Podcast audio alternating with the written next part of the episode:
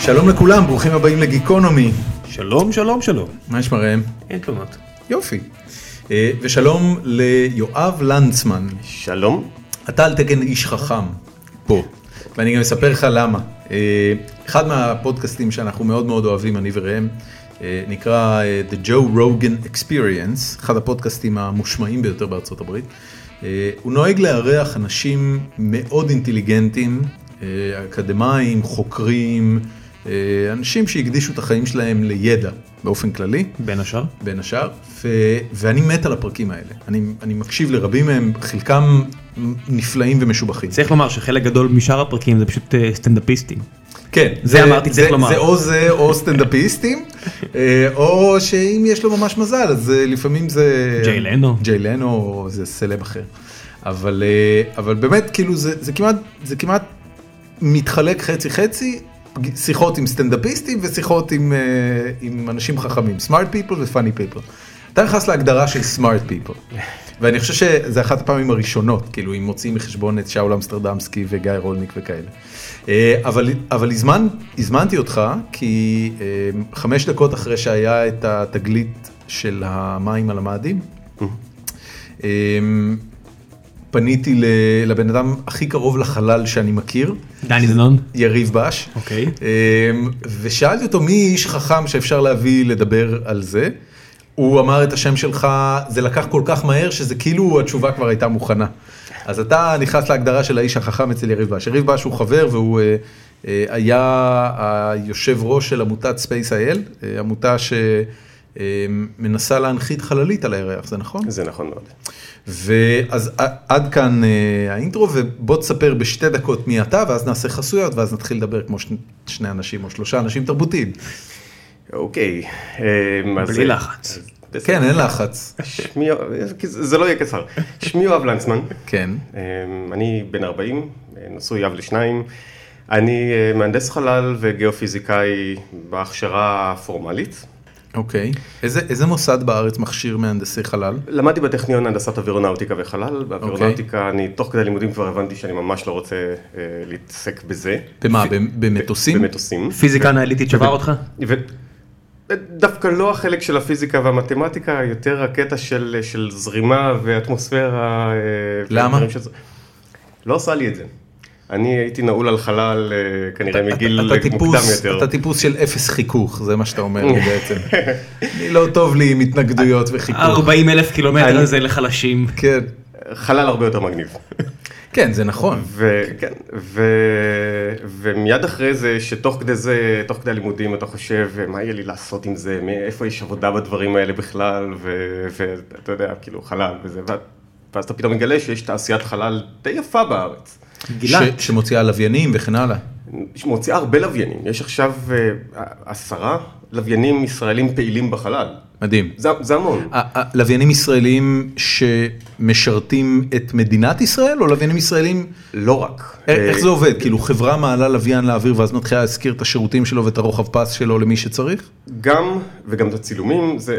רוב הלוויינים מסחרים, בסופו של דבר. הבנתי אה, אבל- רגע אנחנו ממש צללנו כן. פה זה אז אמרנו שאתה גיאופיזיקאי בוגר טכניון נכון. אתה דוקטור אני לא דוקטור. מה לאימא שלך יש להגיד על זה אני, אני חושב אבל שהשגתי מבחינה אקדמית את הטופ במשפחה so far. אה מגניב אז, אז בינתיים אני אעשה את זה. יפה אז זה אז זה היה התואר הראשון מה התואר השני התואר השני הוא אה, אה, נקרא גיאופיזיקה ומדעים פלנטריים, אה, זה מאוניברסיטת תל אביב. Nice.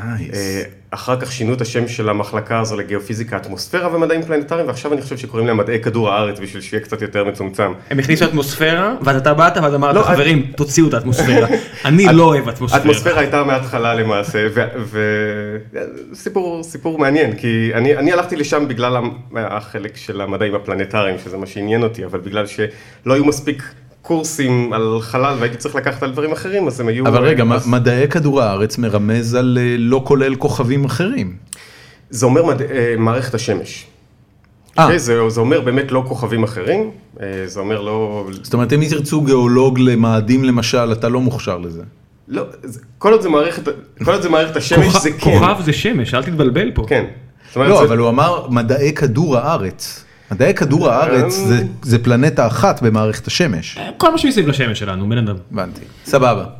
אוקיי? אז, כן. אז זה בעצם אה, להבדיל מ- מאסטרופיזיקה וקוסמולוגיה וכל מה שמתעסק בכוכבים רחוקים וגלקסיות ו- ואנרגיות אפלות ודברים כאלה. אנחנו מתעסקים עם דברים שממש אפשר ללכת ולמדוד היום. הבנתי. אמ, ו- ומתי הצטרפת לספייס.איי.אל? אז לפני זה, ולמעשה את התואר השני אני עשיתי תוך כדי עבודה בתעשיית החלל הישראלית, בפיתוח והפעלה של לווייני עמוס, okay. לווייני התקשורת הישראלים. אוקיי. כמובן. ו...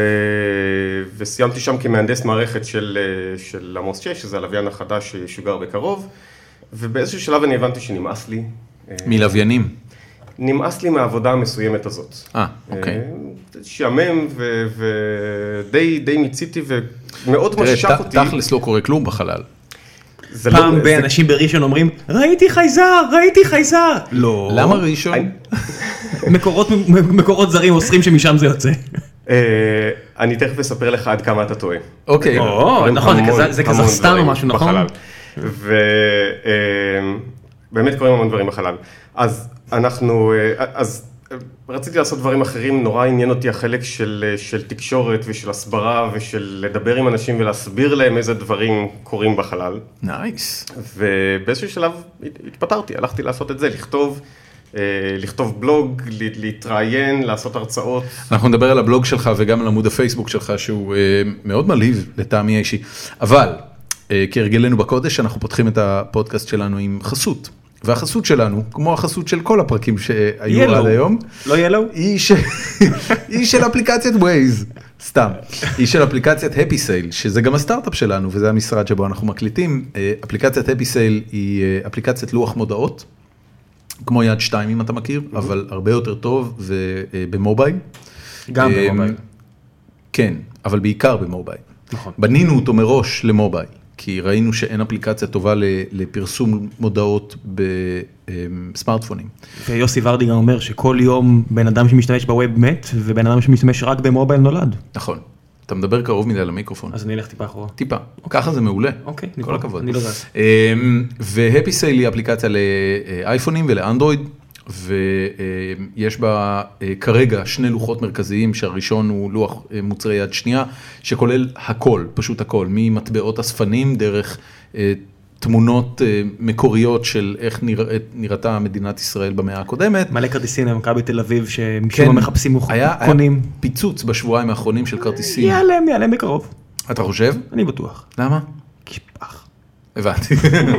ו, וחוץ מזה קטגוריית נדל"ן מפוארת ויפהפייה שהשקנו לראשונה לפני שבועיים, שלושה, שבוע.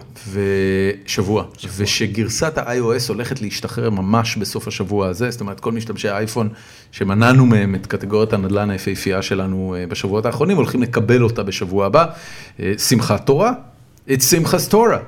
אה, ועד כאן חסות, אה, ומה קרה ראם, למה אתה... כי פתחנו בהשוואה ל...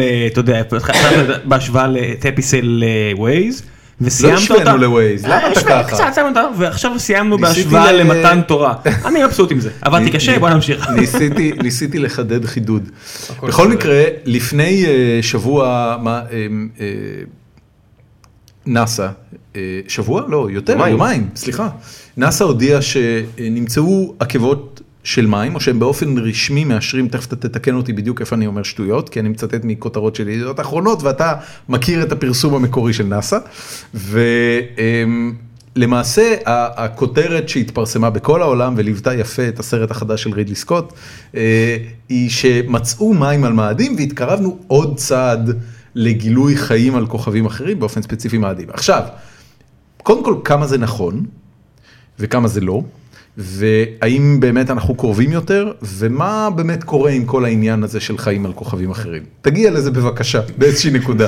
טוב, אז, אז ברשותך אני רק אשלים את מה סבבה. שאמרתי קודם, כי אה, ש, שאני התחלתי לעשות הרצאות ו, ודברים כאלה, ואז קראו לי בעצם מספייס אי-אל, זו אוקיי. הייתה השאלה שלך, נכון.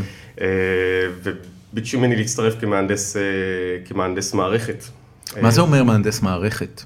מהנדס מערכת, אה, כמו שאני הסברתי אה, קודם. אה, לפני השידור זה לא לפ- קרה. לפ- לפני כן, השידור זה לא באמת נחשב, קרה, נכון. אף אחד אז לא אני- שמע אז אני אותך. אסביר מההתחלה, יש הרבה סוגים של מהנדסים, מהנדסי תוכנה, מהנדסי אלקטרוניקה, מהנדסי אה, חומרים, מהנדסי מבנה, מהנדסי בקרה, אה, כן. המון המון סוגים של מהנדסים. כל אחד מכיר מעולה את התחום שלו, אבל לדבר ביניהם לא תמיד עובד חלק. בסופו של דבר אתה בונה מערכת, במיוחד מע- מערכות שהן, אה, איך זה נקרא, אה, שיש בהן תוכנה, אוקיי. אז אה, צריך איכשהו לחבר את כל העולמות האלה יחד. בשביל זה צריך מישהו, אה, מהנדס, שמסוגל להכיר במידה מסוימת את כל, אה, את כל העולמות האלה ולהחליט את ההחלטות שמשלבות אותם יחד. וזה מהנדס מערכת. אוקיי. זה נשמע דומה באופן חשוד לבמאי. אה, זה יכול להיות דומה לבמאי, אה, חוץ מהקטע ש, שזה לא אומר שהוא האדם שמנהל את הפרויקט. לא, אבל גם במאי לא מנהל את הפרויקט. במאי הוא בדרך כלל אה, מתווה את החזון הקריאיטיבי של הפרויקט, אה, ובאופן ספציפי הוא גם זה שצועק אקשן וקאט על הסט כשמצלמים אוקיי, סצנה אז מסוימת. תחשוב שבחברת אלקטרוניקה, כן. זה לא מהנדס מערכת בבודד, אלא מחלקת סיסטם, שבתוכה יכולה להיות גם 50 אנשים. הבנתי. אוקיי. הם פשוט מקשרים נגיד בין התקן לבין החבר'ה שעושים את התוכנה והחומרה ו- ואתה יודע כל מיני דברים כאלה. אז- ומה זה בספייס.איי.אל? אז בספייסל קודם כל זה צוות, אני לא אה, עובד שם לבד, יש צוות של מהנדסי מערכת, שהמטרה שלהם היא באמת לשלב את כל החתיכות האלה של הפאזל, שיש יש, אה, בחור מצוין שבונה את, את מערכת הבקרה לנחיתה ש- על הירח, ויש אה, בחור אחר שמתכנן את המסלולים של החללית, ויש אה, והם מישהו לא, אחר ש- הם לא יכולים פשוט לדבר אחד עם השני? הם יכול- צריכים אותך?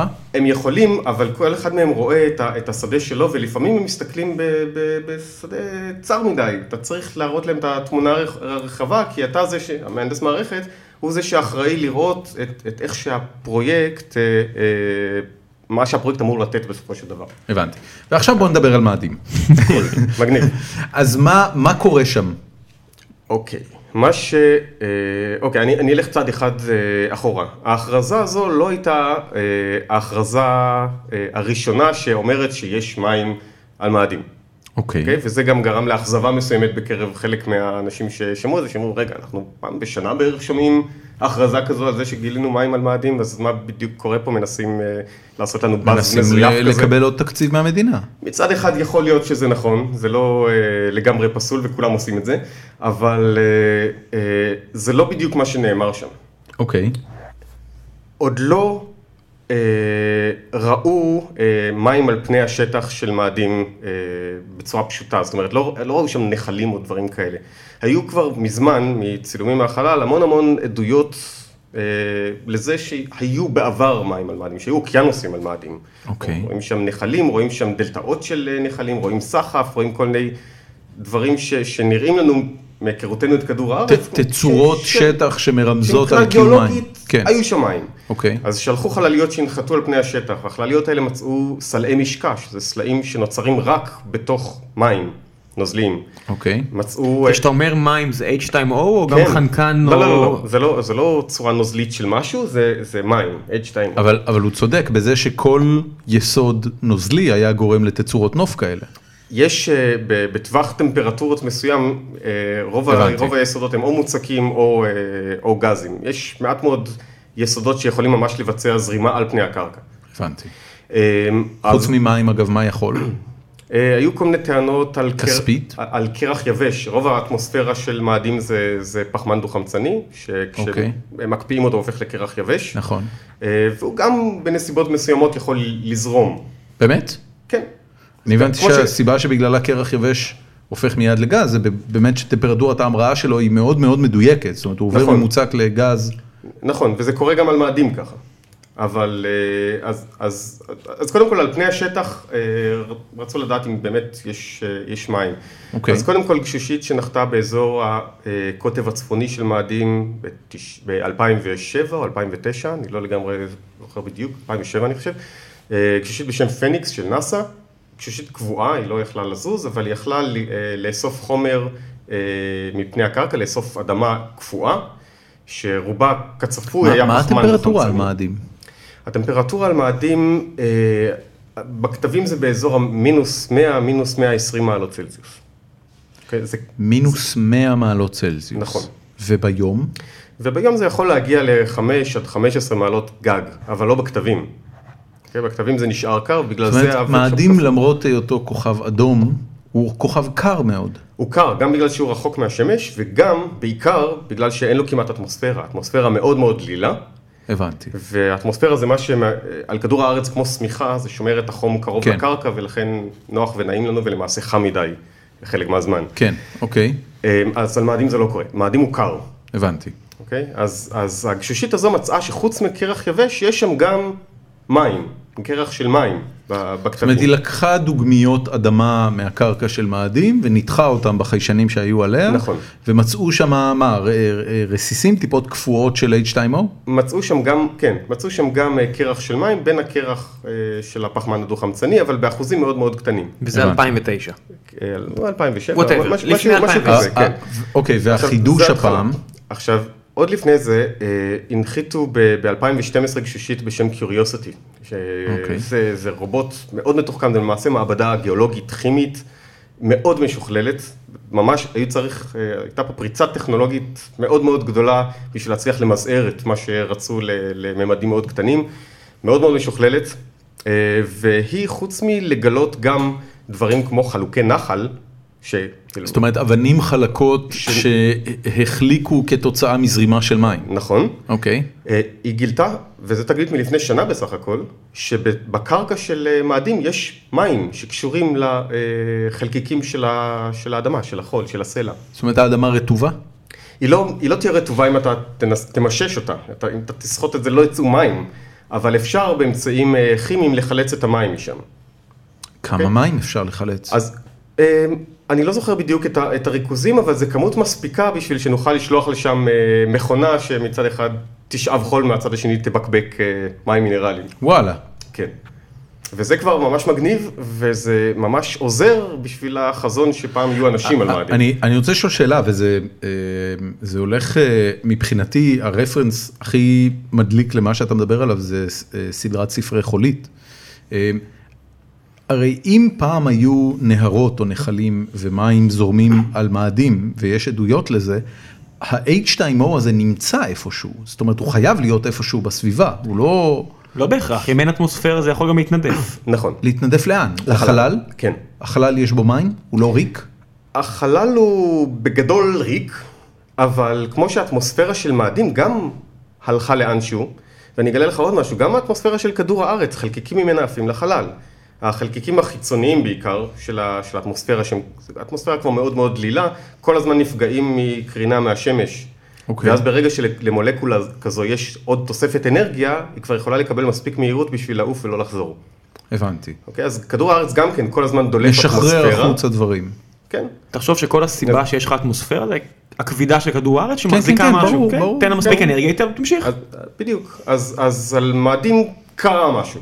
אנחנו לא בדיוק יודעים עדיין מה, יש כל מיני רעיונות, אבל לא באמת יודעים מה קרה. רואים שהיו אוקיינוסים על פני השטח, ואם היו מים נוזליים על פני אפשר השטח... לנחש את הגיל שלהם? ש- של? של האוקיינוסים, זאת אומרת העדויות מדובר על- על, הגיאולוגיות, בסביבות הלפני מיליארד שנה, הבנתי, אוקיי? כבר היו חיים על כדור הארץ. כן לפני מיליארד שנה, כן. חטאים. חי- חיים מאוד בסיסיים, אבל כבר היו. הבנתי, אמ, וקרה משהו, אנחנו עדיין לא לגמרי יודעים, אבל הנקודה היא שאם היו אוקיינוסים על פני השטח, האטמוספירה הייתה חייבת להיות הרבה יותר דחוסה. כי אם, ברגע שאתה מוריד את הלחץ, המים הופכים לגז ומתנדפים. נכון, נכון. אז או שהמים ברחו כמו האטמוספירה, או שהם נספגו איכשהו באדמה, ויכול להיות שיש שהם מתחת, מים קפואים מי תהום. מתחת לפני, ה, לפני השטח, כן, יכול להיות. בטוטל ריקול של פול ורהובן, אה, הליבה של מאדים עשויה מקרח, היום אני הזכרתי את טוטל ריקול בהרצאה, הייתה לי הרצאה על, על מאדים היום בפסטיבל אייקון, אוקיי. בדיוק על, על הדברים האלה, ואני הזכרתי את טוטל ריקול, ואפילו שמתי תמונה עם הציטוט של שוורצנגר, ש- שמה? אה, שהוא אומר, קוהגן, give the people air.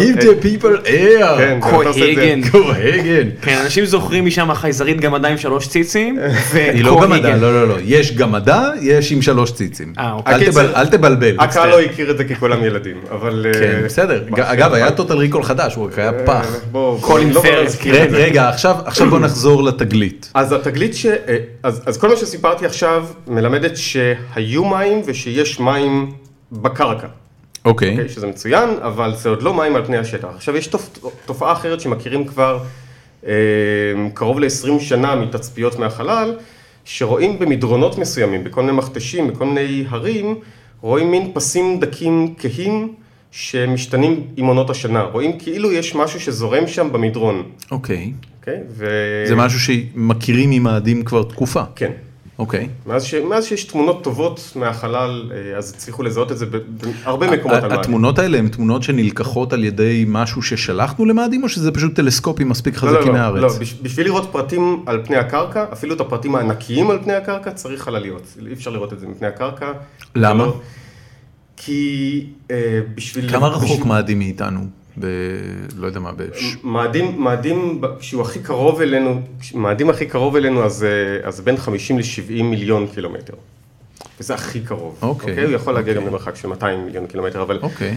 אבל הנקודה היא שאי אפשר לראות גם, זה לא משנה עד כמה תשים טלסקופים גדולים פה, יכולת ההפרדה ממרחקים גדולים היא בעייתית, זה, אי אפשר לעשות את זה פשוט, פיזיקלית.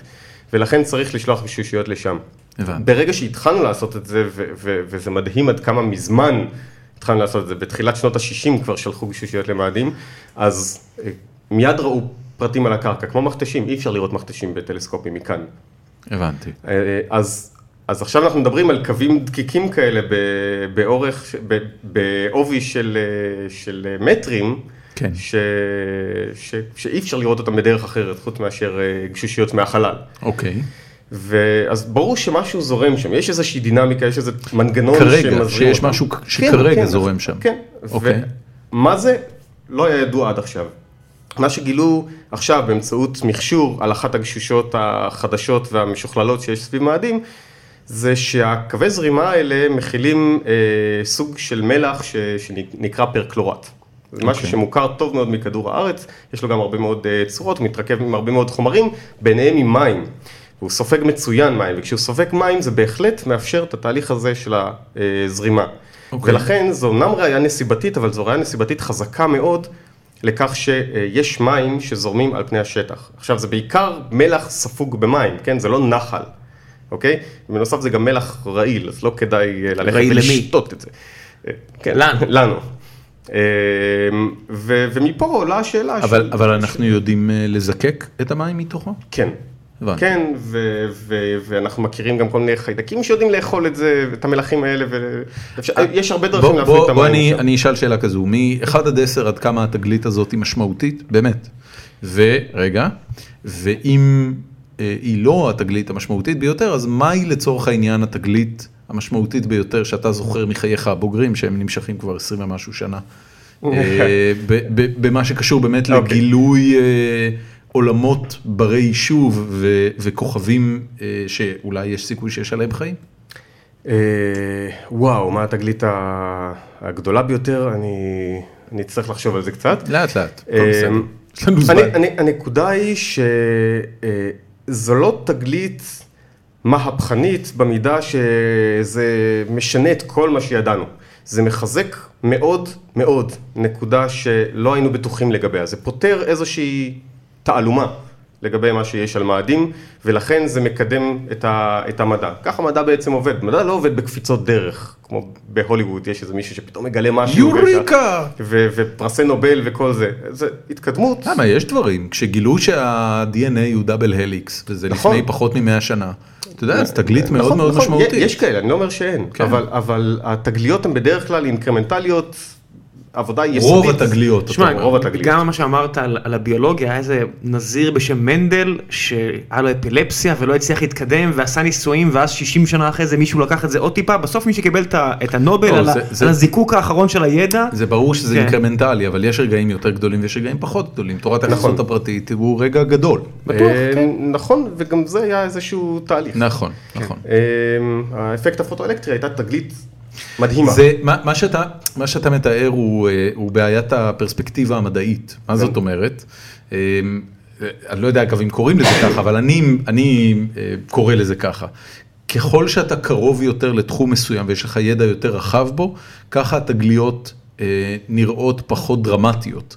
כי ת- כ- מה שאנחנו מכנים לו תגלית הוא בעצם איזשהו אירוע בזמן שזוכה להד תקשורתי בקרב הרבה מאוד קהלים שהם לא הקהלים שעוסקים בזה באופן אה, יומיומי. אה, אתה יודע, ב, ב, אני עם תעשיית המשחקים מאוד קרובה לליבי, וזה דבר יחסית נדיר שאירוע מתעשיית המשחקים מגיע למהדורות המרכזיות. אה, של, של הערוצים הראשיים, אבל כשזה קורה זה פתאום נתפס כאירוע מכונן. עכשיו זה לא אירוע מכונן, יש תעשייה שלמה מתחת לזה, אתה יודע מה גודלו של הקרחון וכמה הוא עצום, ו- ו- ולכן כל התגליות האלה נראות לך בעצם על איזשהו רצף כרונולוגי מאוד הגיוני, שפעם זה היה ככה ועכשיו זה ככה וזה. אנחנו כמו דודה שפתאום, מדהים איך גדלת. כן, אבל זה לא, זה, זה, זה לא באמת כזה דרמטי, כי בטח היו תגליות אה, ש, שנים כן. קודם. אה, דוגמה מ- משדה קצת אחר בתחום החלל, למשל, התגלית הראשונה שמראה לנו שיש כוכבי לכת סביב שמשות אחרות, זאת תגלית מהפכנית. זה, זה משהו ש... היה ספק לגבי זה? כן, כן. מה, זה אנחנו- שהיקום אנחנו- מתפשט. אנחנו, אין, יש לנו דוגמה אחת למערכת שמש, יש לנו דוגמה אחת ל, לחיים, מפה אנחנו עושים כל מיני ספקולציות, אוקיי? לדוגמה, אנחנו מכירים מערכת שמש אחת עם, הכרנו מערכת שמש אחת עם פלנטות, זה מערכת השמש שלנו, אז אנחנו, אנחנו רואים שיש ארבע פלנטות סליות ואחר כך ארבע פלנטות אה, אה, של ענקי גזים. אז אנחנו מתחילים לבנות מודלים של איך נוצרה מערכת השמש, שתיצור הר- פלנטות סליות קרוב לשמש ופלנטות גזיות רחוק מהשמש, כי זה מה שאנחנו מכירים. ואז אנחנו מגלים פלנטה מחוץ למערכת השמש אה, שלנו, סביב שמש רחוקה אחרת. ואנחנו מתחילים לגלות עוד ועוד ועוד פלנטות בשיטות חדשות י- טכנולוגיות. יש עוד אה, קטגוריות של פלנטות? אה, להבדיל מהסלעי וגזי שהרגע י- מנית? י- יש כל מיני, אבל, אבל זה, זה קצת איזוטרי, אה, אם אה, יקראו לזה hot Jupiter או כל מיני דברים כאלה. זה, זה- זה קצת... אה, סוד- הבנתי, אבל סודות אלה משניים. הקטגוריות המרכזיות. אבל פתאום אתה מגלה ענקי גזים שהם, לא רק שהם קרובים לשמש, הם יותר קרובים מאשר כוכב חמה לשמש, שזו הפלנטה הכי קרובה במערכת השמש. לשמש. והוא סלעי לגמרי הרי. לא, ו... חמה כן, כן. א- א- אבל, אבל אה, ובמקומות פלנטה שהיא- אחרים זה שהיא גזים. ענק גז יותר גדול מ- מצדק, ואז אתה אומר, רגע, כל המודל שהיה לנו עכשיו לא נכון. אני, כן, okay, ו- אני ו- צריך שתסביר לי את מה שהסברת הרגע בשפה פשוטה, כי משהו פה חמק ממני. בבקשה. אה, מתי, אה, אותה תגלית שאתה מדבר עליה, מתי היא קרתה? אה, כוכב הלכת הראשון מחוץ למערכת השמש, זה שם נורא ארוך באנגלית, קוראים לזה אקסופלנט פשוט. אוקיי. אה, אני חושב שזה 95, זה שנות ה-90 בכל מקרה. אוקיי, מי גילה אותו? אה, אני לא יודע להגיד, אוקיי. אה, אוניברסיטה בארצות הברית. הבנתי, לא נאסא.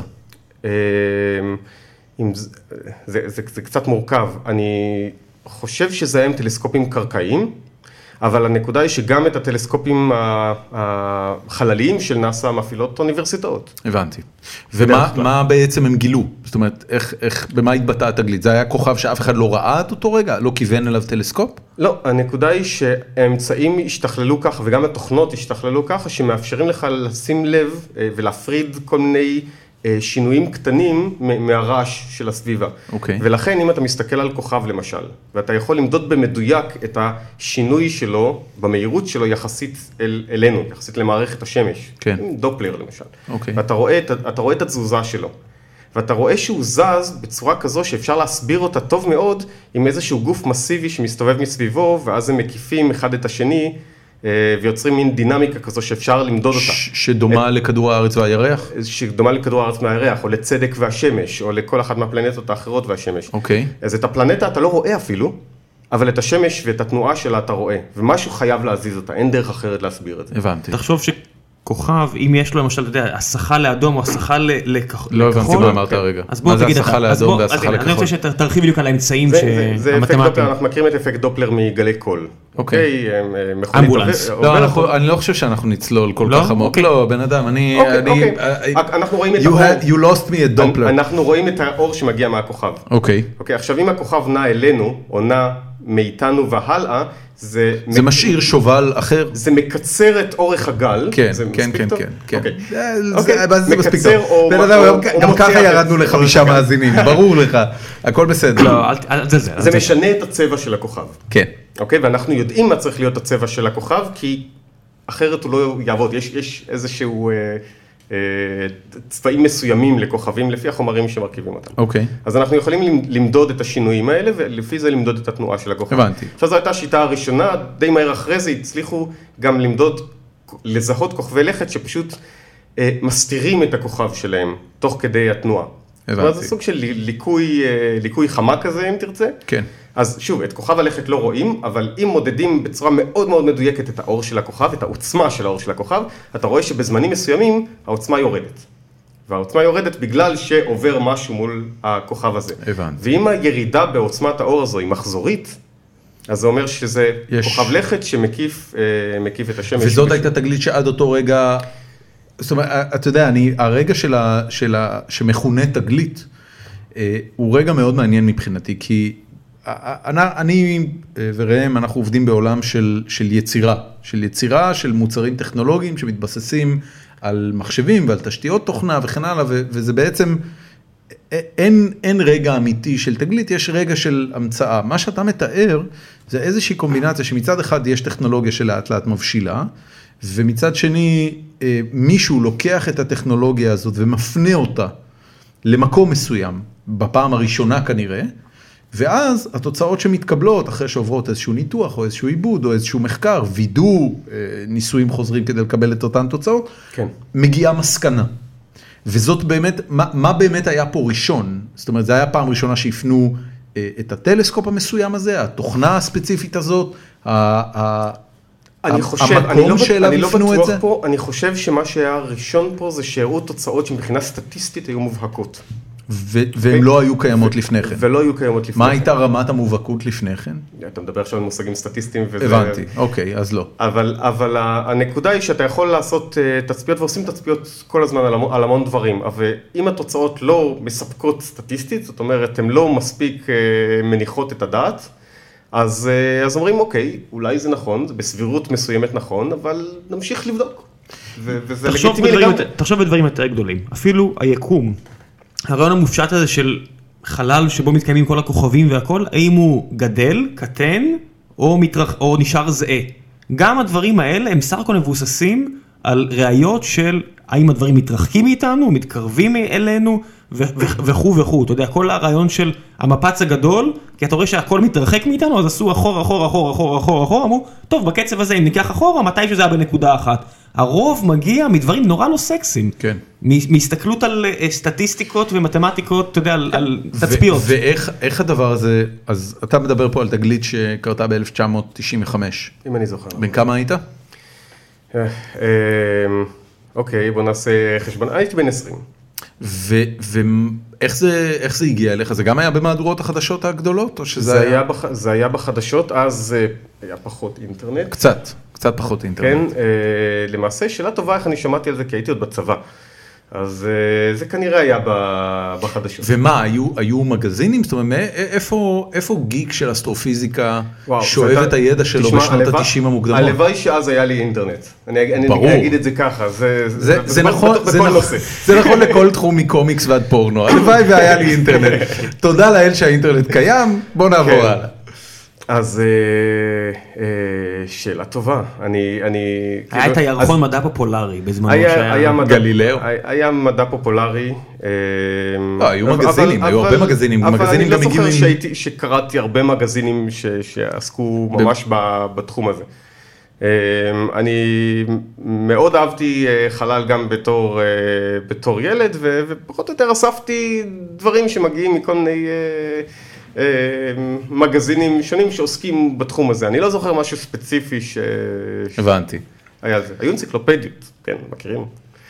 כן, אבל אנציקלופדיה זה היה משהו ששכב אצלך בבית, הידע שם היה ישן בעשר שנים נכון. בממוצע. היקום קיים כבר מיליארדי שנים, מה זה עוד כן, שנה שנתיים? אבל לפה? אנחנו- לא, עכשיו אבל אנחנו בעידן מדברים של פה על תגליות, תגליות אז- ספציפיות, אז, אה, התגלית אז- לא מופיעה ב- באנציקלופדיה, בטח לא בשנים הראשונות, עד שיוצאת מהדורה חדשה. כן, אז אבל, ספרו, שלוש אבל, שנים אבל כן. אחרי. לדוגמה, אם זה, נחזיר את זה- את זה גם למאדים, אז אני זוכר שבחוברות שהיו לי בתור, אה, בתור ילד שהיה מתואר מאדים, ראו את התמונות מהקרקע של מאדים של חלליות וייקינג שנחתו בשנת 76 על, אה, על מאדים. אני הייתי בן שנה בשנת 76.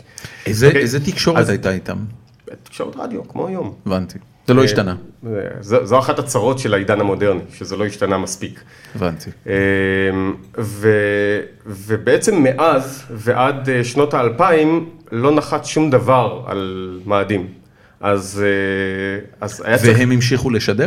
המשיכו לשדר עד, אה, עד אמצע שנות ה-80 בערך. ומה שנות קרה, ה-שמונים. התיישנה החומרה? אה, לאחת מהם התיישנה החומרה, לשנייה נדמה לי שאפילו הייתה טעות מפעיל, עוד יותר מביך. מה זה אומר? זה אומר שמישהו נתן הוראה אה, לסגור את האנטנה או להפנות אותה למצב כזה שאי אפשר אוי לקלוט יותר. ואבוי. זה- כן. בשיחת הפיטורים הזו בטח היה, תשמע ג'ונסון, אנחנו חייבים וואו, אני לפטר יכול אותך לספר- כי הרסת אותנו, הרסת. אני יכול לספר לכם את זה, כי- על זה הר- הרבה, כי כי יש, יש לי הרצאה על ה- על הפאשלות הגדולות שהיו ב- בעידן החלל. בתולדות החלל?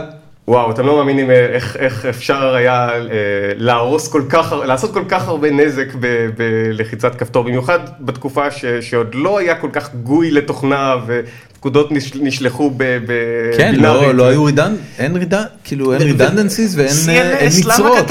ככה? יש, יש, יש דברים שהם, אה, שהם אה, ש, שאתה, לא, שאתה לא עושה כשיש לך מערכת שאתה לא יכול לשלוח אליה טכנאי. זה, זה פשוט, אתה לא- אתה לא שם כפתור לקיפול אנטנה. למשל, ו, וזה, על זה צריך להיות כתוב, הוראות אלה נכתבו בדם, זה, זה ממש ככה, כן. הדם של המפעיל כנראה. מעניין, וואו, הייתי, מעניין מי זה הבחור. תשמע, ג'ונסון. אה, אצ- אצ- הלו הוא ג'ונסון. אצ- אצ- אצל הרוסים היה- היו אה, היו סיפורים הרבה יותר מחרידים מזה, ואני חושב שהם... של אה, מה? של אה, אנשים? של אובדן אה, אובדן של- בנפש? לא בנפש, דווקא. בעלי חיים. היו גם, אבל, אה, אבל אה, גם משימות רובוטיות מאוד יוקרתיות ש, שעבדו בגלל שעשו איזושהי פשלה מטופשת. גם לאמריקני, היה, בטח אתם זוכרים את, ה, את הקשישה הזו ש- ש, אה, צללה לתוך מאדים והתרסקה בגלל שהייתה טעות בין השיטה המטרית לשיטה האימפריאלית. לא, אני לא לא מכיר את מכירים. הסיפור הזה. זה הדוגמה הכי מפורסמת ללמה ארצות הברית היא חייבת כבר לה- להפסיק עם האינצ'ים הטיפשיים האלה. ואיכשהו זה באמת? לא שכנע אותם. אולי כן. כי לא לא מספיק יודעים על זה. צריך מה להגיד קרה? שהייתה צריכה ל- לבצע תמרון של כניסה למסלול סביב, אה, סביב מאדים. אוקיי. עכשיו, בשביל זה צריך לדעת בדיוק איפה, התוכ- איפה החללית הזו נמצאת. והתוכנה שחישבה את, ה, את המיקום של ה... שמודדת ומחשבת את המיקום של החללית, זו תוכנה שפותחה באירופה. אז היא הייתה אוקיי? מטרית. והתוכנה ששידרה פקודות לחללית הייתה אמריקאית. אוקיי? יכול להיות שאני מחליף ביניהם, אבל זה לא משנה לסיפור. אז לקחו מספר אחד והכניסו לה, אה, לתוכנה השנייה בלי להבין את הבעייתיות של זה. זה, זה בעיה של בדיקתיות אגב, אם כבר מדברים על, על תוכנה. כן, לעשות QA זה נראה לי נורא בעיה בחלליות. אה, אבל, אבל זה נורא חשוב, נורא נורא חשוב, מערכות שנשלטות על ידי תוכנה, ו, ולעשות בדיקות end to end וכל הד- כל הדברים האלה, זה רק מדגיש את הנקודה הזו. אז אה, הם פשוט חשבו שהם יודעים איפה החללית נמצאת, אבל בעצם היא הייתה מרחק אה, די גדול משם. ולכן היא ביצעה את, ה, את התמרון כניסה למסלול בדיוק כמו שצריך בצורה מושלמת, רק שהיא לא הייתה מראש במקום הנכון, ולכן התמרון הזה הכניס אותה לתוך האטמוספירה והיא נשרפה ו... ו- וואו. בדרך כלל היה שקט כזה בחדר הבקרה וכולם כזה מסתכלים על ג'ונסון ואומרים, you fucked up. again, again ג'ונסון. אה, Why did you buy the software from the Germans? לא, עכשיו, סביר לה- סביר להניח שמה שקרה זה שפשוט הם הפסיקו לקבל אותות מהחללית, ואז אה, לא הבינו מה קרה, ולקח חודשים עד ש- עד שהבינו איפה הייתה, איפה המקור לתקלה. ואז קראו ואז- לג'ונסון לחדר. תשמע, זה בטח נורא מתסכל שהכל אתה תלוי ב- ברדיו שיש לו איזושהי מהירות סופית שהיא נורא איטית ביחס למרחקים שמתעסקים בהם. נכון, ואז זה אומר שאתה צריך לבנות את החללית, שהיא בעצם סוג של רובוט, אתה צריך לתכנן אותו ש- שהוא יהיה אוטונומי וידע לפתור בעיות לבד, עד כמה שאפשר לדמיין את הבעיות האלה מראש, ו- ושידע להציל את עצמו אם יש איזה בעיה. כמה זמן לוקח לתשדורת ממאדים להגיע לכדור הארץ? אז זה תלוי במרחק בין מאדים לכדור הארץ, זה יכול להיות כמה דקות וזה יכול להיות עד 20 דקות. זה הרבה זמן. זה הרבה זמן. למע- זה לא בלתי נסבל, זאת אומרת, זה כן... אה, זה כמות כמו אינטרנט זמן- של 95. כן, לא, זה, נכון, זה, אבל- כן, זה כן מספיק זמן בשביל שתוכל לתת פקודה לחכות, לתת עוד פקודה עקרונית- לחכות. עקרונית כן, אבל למשל... זה אה, לא, ב- זה לא, ב- אי אפשר לעבוד עם זה בתעופה. הנחתת האחרונה שנחתה על אה, מאדים ב-2012 נקרא Curiosity, אוקיי. אה, והזכרתי אותה גם קודם, ו- והמבצע של ההנחתה שלה היה נורא נורא נורא מורכב. אה, זה, ה- אה, זה הדבר הכי כבד שהנחיתו אי פעם על, אה, על מאדים, זה 900 קילו. אה, וואו. ו- וזה קשה להנחית זה דברים על, אוטו. על מאדים. כן, 900 קילו כן, זה כן, אוטו. ברור, אוטו קטן, אבל, אבל אוטו. כן. אמ, ונורא קשה להנחית את זה על מאדים, ו- ולא רק זה, אלא שאי אפשר ממש לבדוק את זה על כדור הארץ, כי זה לא אותה כבידה, זה לא אותה ה- אטמוספירה. האטמוספירה של מאדים עדיין שורפת עצמים אם הם נכנסים בזווית לא נכונה? כשאתה נכנס במהירות של כמה קילומטרים לשנייה, אז כן. אז הבנתי. כן. אז די השתמשו במגן חום, השתמשו במצנח, וש- ו- והשתמשו ברקטות, ו- ועוד כל מיני פטנטים כאלה. ה- הנקודה היא ש- שבזמן שהיא נכנסה לאטמוספירה של מאדים, מאדים היה אה, במרחק של רבע שעה אה, מבחינת הזמן תשדורת מכדור הארץ, והם תיארו את זה, הם קראו לזה שבע דקות של אימה. הם אומרים, הזמן מרגע הכניסה לאטמוספירה ועד המגע בקרקע זה שבע דקות. כך או כך, לא משנה אם זה מצליח או לא, זה שבע דקות. עכשיו, אם אה, אה, אה, החללית מתחילה להיכנס לאטמוספירה, על כדור הארץ עוד לא יודעים על זה. כן. הם מגלים שהיא מתחילה להיכנס לאטמוספירה רק אחרי שהיא כבר על הקרקע חיה או מפוזרת ל- להמון כן, רסיסים. כן, כן. ובזמן הזה הם יודעים שזה מה ש... ש... הם יודעים שהיא אה, פגעה כבר בקרקע והם פשוט לא יודעים מה, באיזה מצב היא, וזה, וזה תחושה... מורט עצבים. משגעת ו- ומורטת עצבים, עצבים ומתסכלת. ו... ואנחנו מדברים פה בעצם על אחד הכוכבים, אחד מהפלנטות הכי קרובות לכדור הארץ, מתוך, אתה יודע, מיליארדי מיליארדי מיליארדי כוכבים אחרים. עד כמה זה, אתה יודע, אתה כמדען, כחוקר חלל, עד כמה זה מדכא אותך לדעת, שאלא אם כן יהיה איזשהו שינוי פרדיגמה מטורף באלקטרוניקה או פיזיקה כמו שאנחנו מבינים אותה, המסך השחור עלינו, אתה יודע, מכמה שנוכל אפילו לתקשר עם חלליות, הוא מאוד מאוד קצר ביחס לגודל. נכון, אני רק אעשה תיקון, אני, אני יותר מהנדס ממדען. בסדר, אוקיי? ו- ועדיין, ועדיין. אבל, אה, אבל כחובב כן, זה, התחום. אתה- זה, אתה- זה בעיה מאוד... זה- זה עניין עקרוני מבחינתך? זה- שאתה לא מדען אלא מהנדס? אה, זה, זה יותר עניין של, אה, של צניעות, אני חושב. אני לא הבנתי. באמת חוקר את, ה, את יפה, התחום. אוקיי. לא. אבל, אבל, אה, אבל בסדר, ה- הנקודה הזו היא נקודה אמיתית, והנקודה הזו יותר כואבת אה, מבחינת רוחב הפס שאפשר להעביר. המידע שאנחנו יכולים להחזיר חזרה מחלליות הוא ברוחב פס נורא נורא נורא צר. אה, ו- ו- וזה מדהים, למשל תקשורת ממאדים, אה, מ- מהירות של אה, אלף אה, ביט בשנייה, כאילו זה, זה, זה, זה בייט פר סקנד. זה, זה, אחד בייט פר סקנד. זה עצוב. ש, ש, אחד- שזה אחד מה- בייט פר סקנד זה לצורך העניין אם למישהו יש חיבור אינטרנט של 100 מגה ביט פר סקנד, זה אומר שיש לו פי 100, נכון? אמ, אתה מגה או פי- ביט. או פי אוקיי. 100 אלף. כן. ו- והנקודה היא שחלליות היום, עם מצלמות שיש היום, עם אמצעי אה, אה, איסוף מידע שיש היום, אוספות טראבייטים של מידע. כן.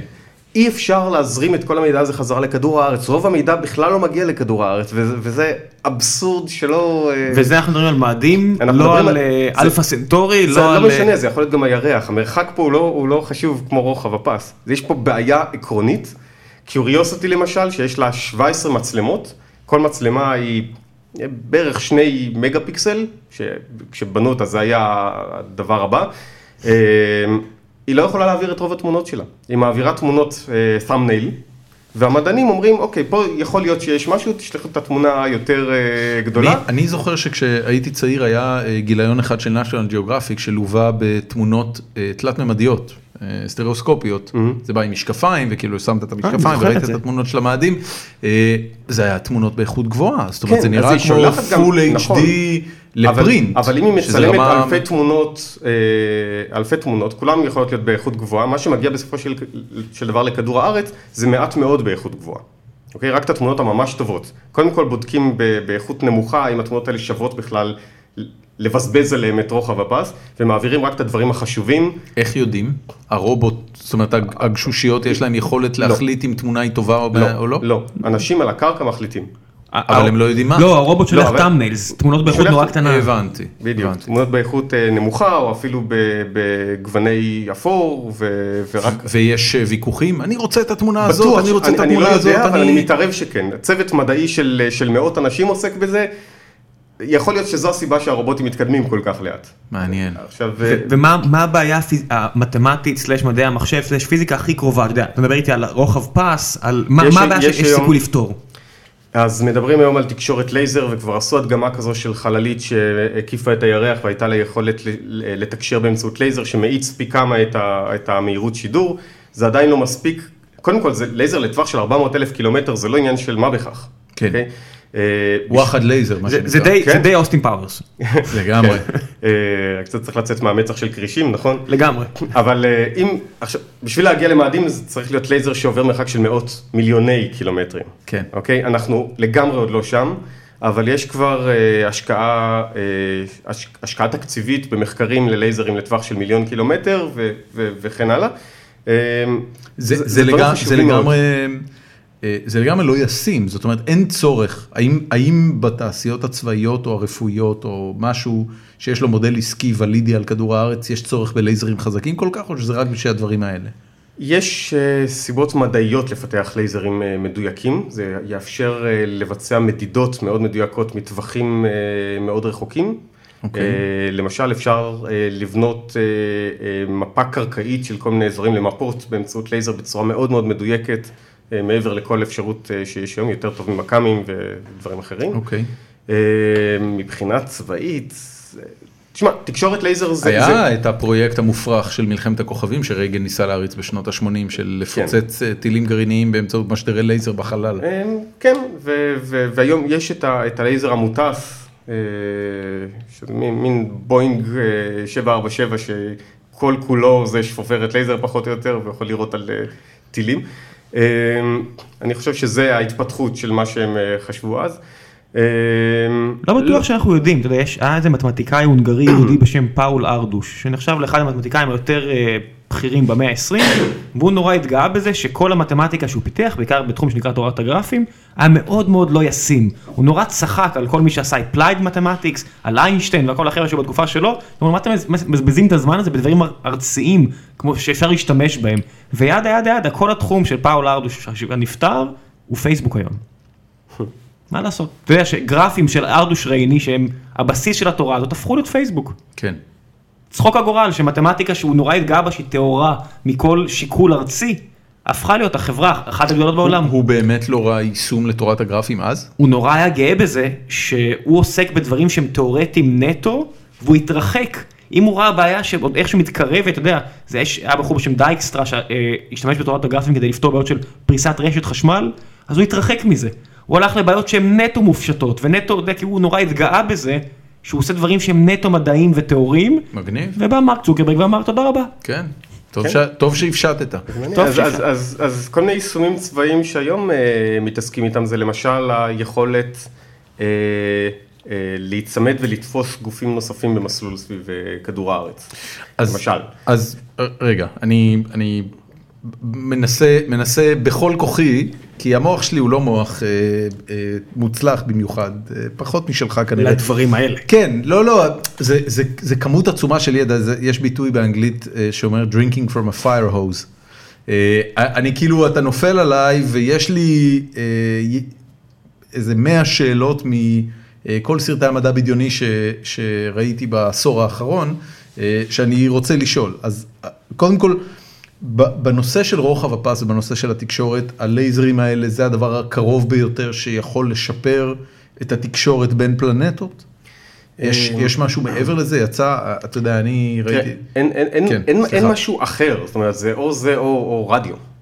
אוקיי, עכשיו... מה זה אומר רדיו? אה, גלי רדיו? אה, או רדיו, אוקיי, רדיו, כן. ו- ורדיו אנחנו יודעים אה, להפעיל, אז תמיד אפשר לבנות אנטנה יותר גדולה ומשדרים יותר חזקים, אבל זה, זה אנרגיה, זה, זה רמות דיוק שבסופו של דבר אה, יש איתן בעיות, יש כל מיני תהליכים אלגוריתמיים של, של להוריד אה, רעשים ו, ו, ולפתור כל מיני בעיות שמאפשרות אני- להעלות אני חייב לשאול מהירות. שאלה, מה עם אור? זה לייזר.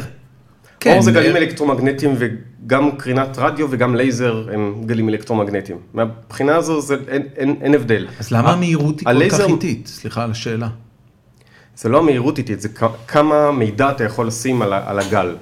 אוקיי, ומה אם לייצר, אתה תשים יותר- לא יודע מה, יותר- אה, רי- ריבוי גלים? אתה יכול לשדר יותר מהר, אבל זה, זה יגרום לזה שיהיה יותר קשה לפענח מה יש שם אה, אחרי שאתה מסיר אה, רעשים, כי יש הרבה רעשים מהרקע. סתם, אחת הבעיות שאנחנו, אה, שיש לנו בספייס-אל, אנחנו, אנחנו יודעים להתגבר עליה, אבל, אבל למשל כשהחללית נמצאת על הירח או בסביבה של הירח ואתה מכוון אליה אנטנות, הירח עצמו מקרין קרינת רדיו. אוקיי, okay. הוא מחזיר יותר נכון קרינת רדיו ומשדר גם, משדר, הוא מאיר ב, באור שהוא גם גלים אלקטרומגנטיים, אז הם נופלים על האנטנות שאתה מכוון לשם, אז, אז זה המון רעש. אתה צריך איכשהו לדעת לסנן את המידע שאתה רוצה מתוך כל הרעשים שיש. תחשוב שחלק מה, מהרוחב פס שאתה משדר מידע, בכלל גם, גם, אתה יודע, גם מידע שלנו ביום יום, חלק ממנו מופנה כדי למנוע שגיאות. כן. חלק מה... כן. כן, וככל שיותר רעש, נגיד בתקשורת לוויינית, אתה יודע ש-24, 34, 44 אחוזים מהתקשורת מיועד ל- לדאוג שהאחוז הנותר יהיה מדויק. אז בוא תן לי לטעון אותך שאל- לשאול שאלה אחרת. בתקשורת שאני מכיר משתמשים בריפיטרים. אתה יודע, אומרים אני לא רוצה לשלוח את זה ב- ב- בהופ אחד, בקפיצה אחת, אלא אני אשלח את התחנה באמצע, שהיא תשלח בתחנה באמצע, שהיא תשלח את התחנה באמצע, וככה אני אדאג שהתקשורת תהיה יותר אה, בטוחה ואני אוכל לעשות את זה עם רוחב פס יותר רחב. למה לא בחלל? בחלל אתה לא באמת יכול להיות במקום קבוע, בתחנה, כמו- אמרת סטציונרי, מה- משהו קבוע, אתה לא יכול להיות במקום כזה, אתה צריך כל הזמן להיות במסלול כלשהו, סביב השמש, סביב אה, מאדים, סביב כדור הארץ. אוקיי? אז אתה יכול לקמבן כל מיני דברים שהלוויין שלך יהיה אה, רוב הזמן במקום נוח מהבחינה הזו, או אה, אה, אפשר לעשות כל מיני דברים כאלה, אבל בינינו לבין מאדים אין יותר מדי אפשרויות מהבחינה הזו. אה, גם בינינו לבין הירח, רק שכאן זה בעיה אה, יותר פשוטה. יש כל מיני רעיונות להשתמש, ב, אה, ו- ו- ועושים את זה, ל- ל- לגרום לדילוג של האות בין אה, לוויינים נמוכים ללוויינים גבוהים יותר ו- וכן הלאה, אבל זה בדרך כלל נועד בשביל לפתור בעיה שהלוויין הנמוך כרגע נמצא מעל אזור מסוים, אבל אתה רוצה לשדר את המידע לאזור אחר שהוא לא נמצא בו. אה, אה, ל- למה לא ניסו אף פעם לשים תחנות ביניים? תחנות, תחנות ביניים. ביניים, כן. זה מה ששאלתי, מה- הוא מה- אמר מה- שהבעיה זה להשאיר את זה במקומות קבועים. אז יש, יש לווייני... למה זה צריך להיות קבוע? למה זה לא יכול להיות, אתה יודע, שיהיה זוז? בסדר. אוקיי, זה להשאיר עוד אה, חללית שזו המטרה שלה, זה, זה משהו שאפשר עקרונית לעשות. אה, ניסו? מישהו צריך...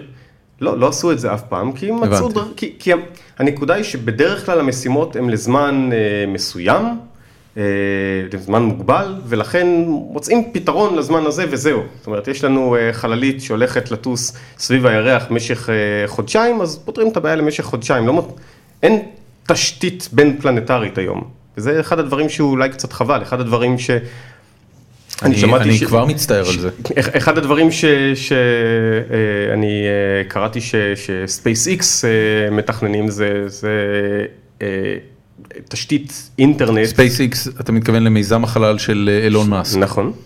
אה, זה תשתית אינטרנט למאדים פחות או יותר. אוקיי. אוקיי? זה המון לוויינים שיהיו אה, מסלול סביב מאדים בשביל שישרתו את כל מה שנמצא על פני הקרקע על אה, מאדים ויוכלו לעשות, לשמש ממסר בינו כן. לבין כל תחנה אחרת על כן. מאדים או מחוץ אליו. אבל היום אין כזה. כן.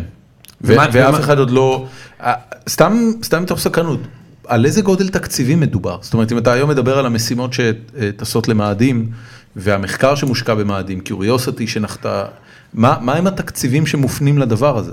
ואיזה מדינות נושאות בנטל לצורך העניין? אמ, אוקיי, אני- אני רק אסייג את מה שאמרתי קודם, ה- הגשושיות של נאסא שנמצאות על מאדים יודעות לתקשר גם עם החלליות של נאסא שנמצאות סביב מאדים. זאת אומרת, הם עושים את זה, אבל אותן גשושיות, את אותן חלליות סביב מאדים עדיין צריכות להעביר את המידע על פני המאות קילו, קי- אה, מיליוני כן, ברור, קילומטרים. ברור. אה, על איזה סכומים מדובר. אה, גשושה כמו קיוריוסיטי נקראת בנאסא אה, משימת דגל, זאת אומרת משהו שעושים פעם בעשור, והעלות שלו זה שני- אה, שניים וחצי מיליארד דולר. אוקיי? שניים וחצי מיליארד דולר. עכשיו זה, זה נשמע הרבה, זה היה פרויקט שנמשך 10 או 12 שנה. מה, מה תקציב אז בסך הביטחון הכל- האמריקאי לצורך העניין? הוא בסדר גודל של טריליון דולר.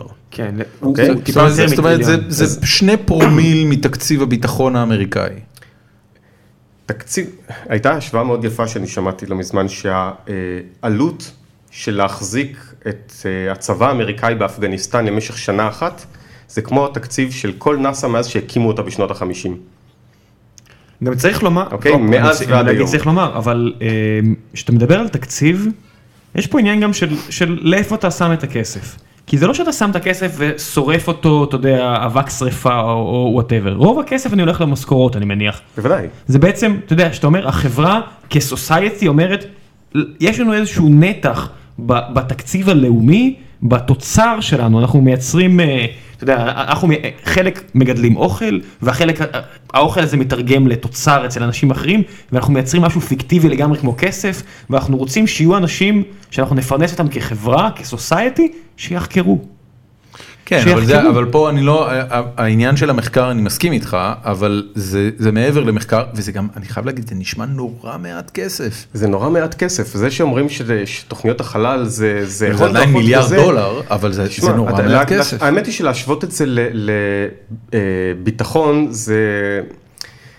זאת זאת אומרת, זה, זה, זה נורא קל, אה, וזה, וזה הש- זה השוואה שהיא, שהיא בסדר, אבל יש דברים הרבה יותר פשוטים ויומיומיים שאנחנו לא שמים לב אליהם, ש, שהם גם, אתה, אתה יכול לחשוב, אה, למה בכלל אנחנו שמים על זה כסף? למה משקיעים בגנים לאומיים למשל? מה זה תורם לאנושות? למה ספורט תורם אה, אני- אני- לאנושות? אני יכול, אה, קודם אוקיי, כל, וזה- ג- גם לגבי ספורט וגם לגבי גנים לאומיים, אני יכול לתת לך תשובה מאוד טובה. אה, והיא אגב דומה לתשובה שיגידו לך לגבי חקר החלל. אה, חקר החלל, כל עוד הוא לא יישומי, ולמרבה הצער, אני חושב שרוב חקר החלל אה, שנעשה מאז שנאס"א לצורך העניין קיימת, אה, לא היו לו תוצרים יישומיים שאנחנו אה, יודעים עליהם, אני לא מדבר כרגע על הלוויינים. לוויינים. לא, לא, אבל אני לא זה מדבר בדיוק על... הנקודה, זה הרבה אבל מזה. אני לא מדבר על לוויינים. אני לא מדבר על לוויינים, מכיוון שאף אחד לא מסתכל, אתה יודע, אלא אם כן אתה מתייחס ליישוב מאדים בתור אה, יעד אה, מוחשי של המין האנושי, אז מאדים רחוק מספיק בשביל ששום דבר חוץ מאשר יישוב מאדים לא באמת רלוונטי עבורך. עד שימצאו שם איזשהו משאב שאנחנו צריכים. ואז בום. נכון, נכון, אבל, אבל מה הסיכויים שדבר כזה יכול לקרות? אני לא הבנתי של מה.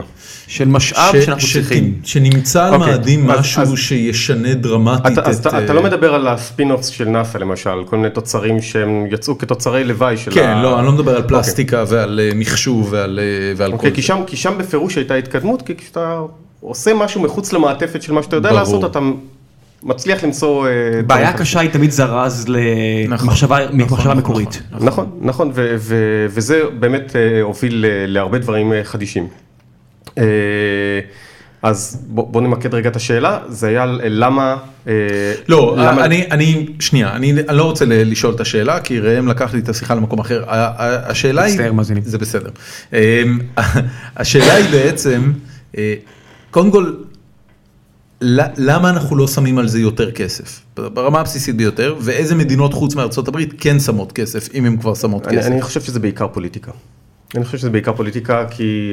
אה, זה... אתם גם מרגישים את זה ב-Space.il? SpaceIL זה יצור מסוג אחר. אה, SpaceIL זו עמותה ללא כוונות רווח. גם המטרה- נאסא. אבל המטרה שלנו היא מאוד מאוד אה, ממוקדת לזמן קצר. אוקיי? יש לנו מס- משימה להנחית חללית על הירח. אה, למפ... לפני כמה שנים התחלתם? אה, נדמה לי שהרישום שלה היה בדצמבר 2011. וכמה שנים הקצבתם לעצמכם להנחית חללית על הירח? אה, אני, אני אציג את זה אחרת, כשהוכרזה התחרות שבה אנחנו אה, משתתפים, תחרות של אה, קרן אקס פרייז וממומנת אה, על ידי גוגל, זה נקרא גוגל לונר אקס פרייז, אה, היא הוכרזה ב-2007, והם אוקיי. היו בטוחים שב-2012 זה... מישהו זה כבר כבר יעשה יקרה. את זה. או זה או שהעולם יחרב ועדי המים. אז, אז הם, אה, אז הם אה, פשוט, כנראה לא העריכו נכון עד כמה זה מורכב, לא ברמה הטכנולוגית, כמו אם ברמה של לגייס כסף לזה. זה עסק נורא כמה- יקר. כמה זה עולה להנחית חללית על הירח? אז עד עכשיו, אה, כל מי שעשה את זה, זה עלה לו אה, אה, אה, מאות מיליונים. מישהו כבר ניצח? לא. זאת לא, אומרת, אבל כל X-Prize- מה שנעשה עד היום זה היה בתקציבי ענק. אה, הנחתה של אה, חלליות רובוטיות על מאדים, אני לא מדבר על הנחתת אנשים, זה כבר, זה כבר הרבה מאוד מיליארדים, אבל זה, זה מי כבר המתחרים? אחרת. מי הכי קרובים אליי? מי הכי קרובים? יש אה, כמה אה, חברות אה, אה, מהעולם, אה, חברה שנקראת אסטרובוטיקס אה, מארצות הברית ומון אקספרס, אה, הם חברות ש- שמראות התקדמות אה, מאוד יפה. אה, מצד שני הם עובדים עם תוכנית עסקית, כך שזה מאוד שונה. הפרמיס שלנו זה עניין של חינוך. מה התוכנית העסקית שלהם? אני מצטער שאני אני חייב להבין מה... מה- מה... אה, התוכנית העסקית שלהם... מה לעזאזל קורה לא, לא, פה? מה לעזאזל קורה פה, כן.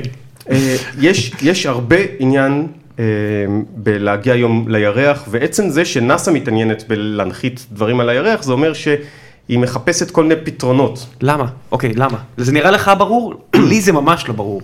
אוקיי, בוא נגיד שיש איזשהו גוף אה, אה, ציבורי ממשלתי מאוד גדול, שהולך לעשות איזשהו משהו מאוד מאוד אה, חדיש בתחום מסוים.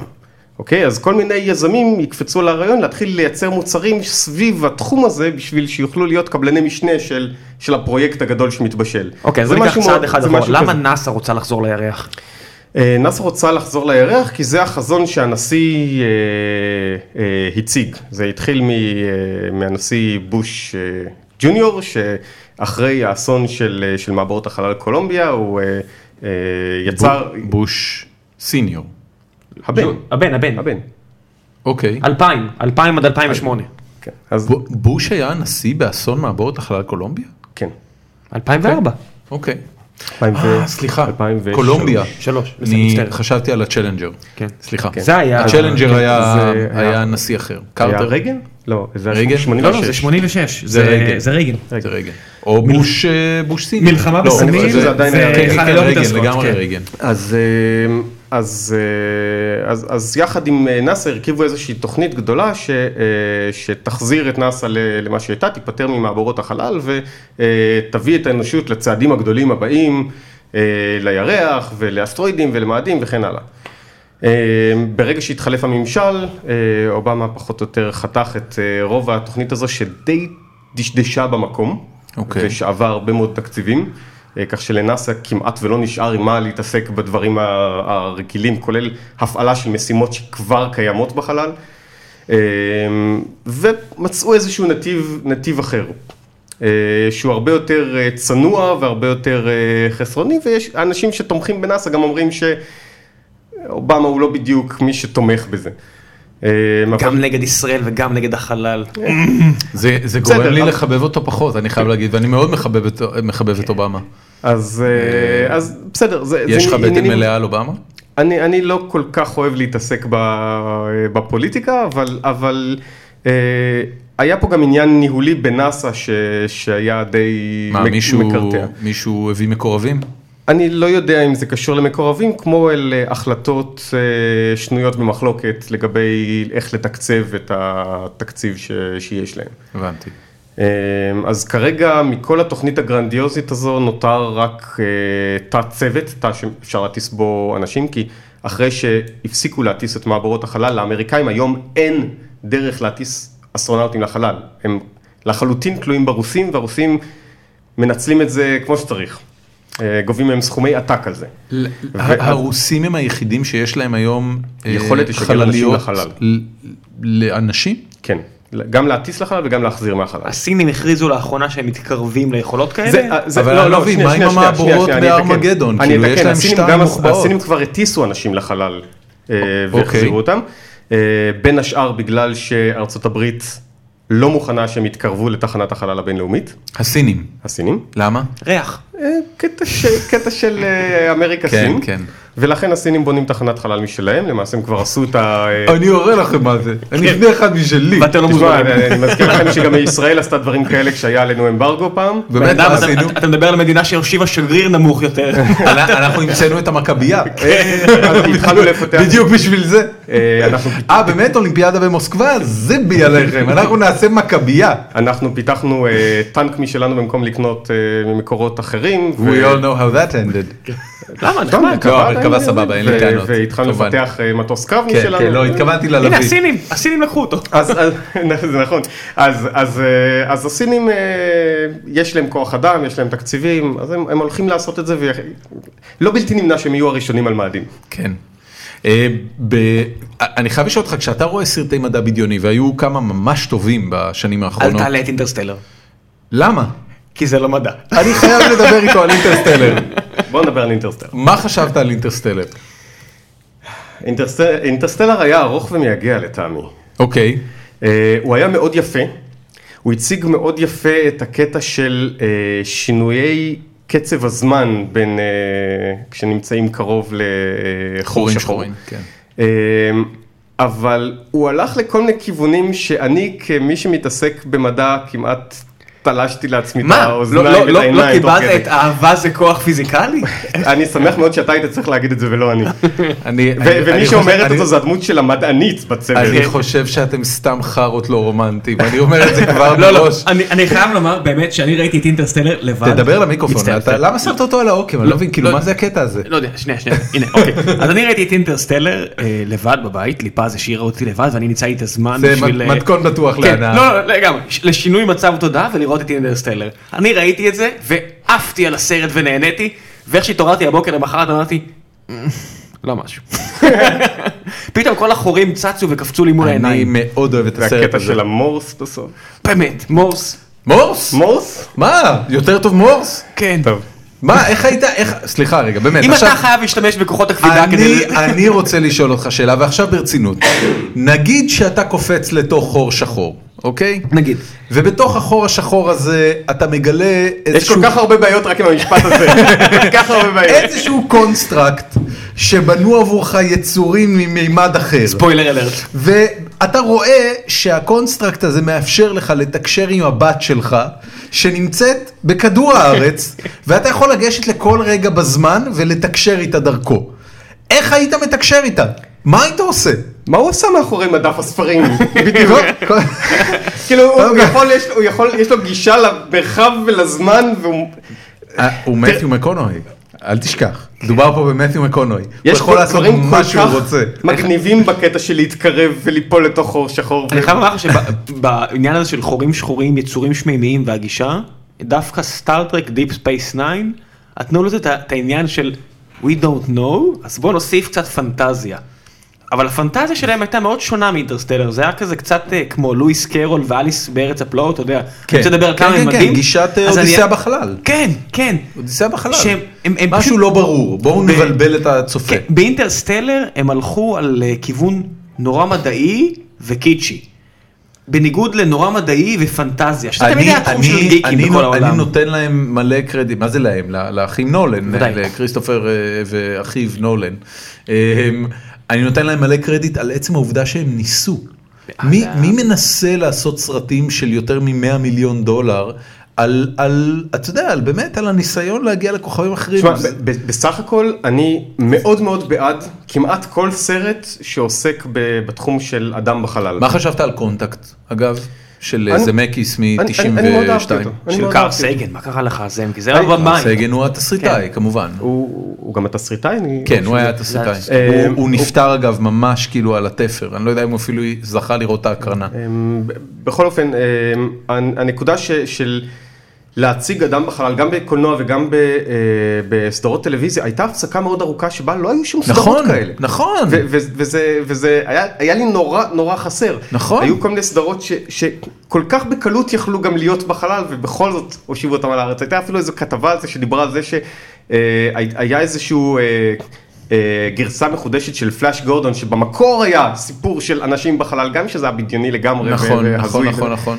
ו- ו- ומיקמו אותה על הקרקע ו- וכל מיני, זה, זה היה פשוט חסר אז- ופתאום אה, זה התחיל. הגיע... אה, זה התחיל, היה את נכון. גרביטי. בטלסטאר גלקטיקה. ונכון, הרבה לפני. בטלסטאר גלקטיקה היה... תקשיב, בטלסטאר גלקטיקה אה, סדרה. Mm-hmm.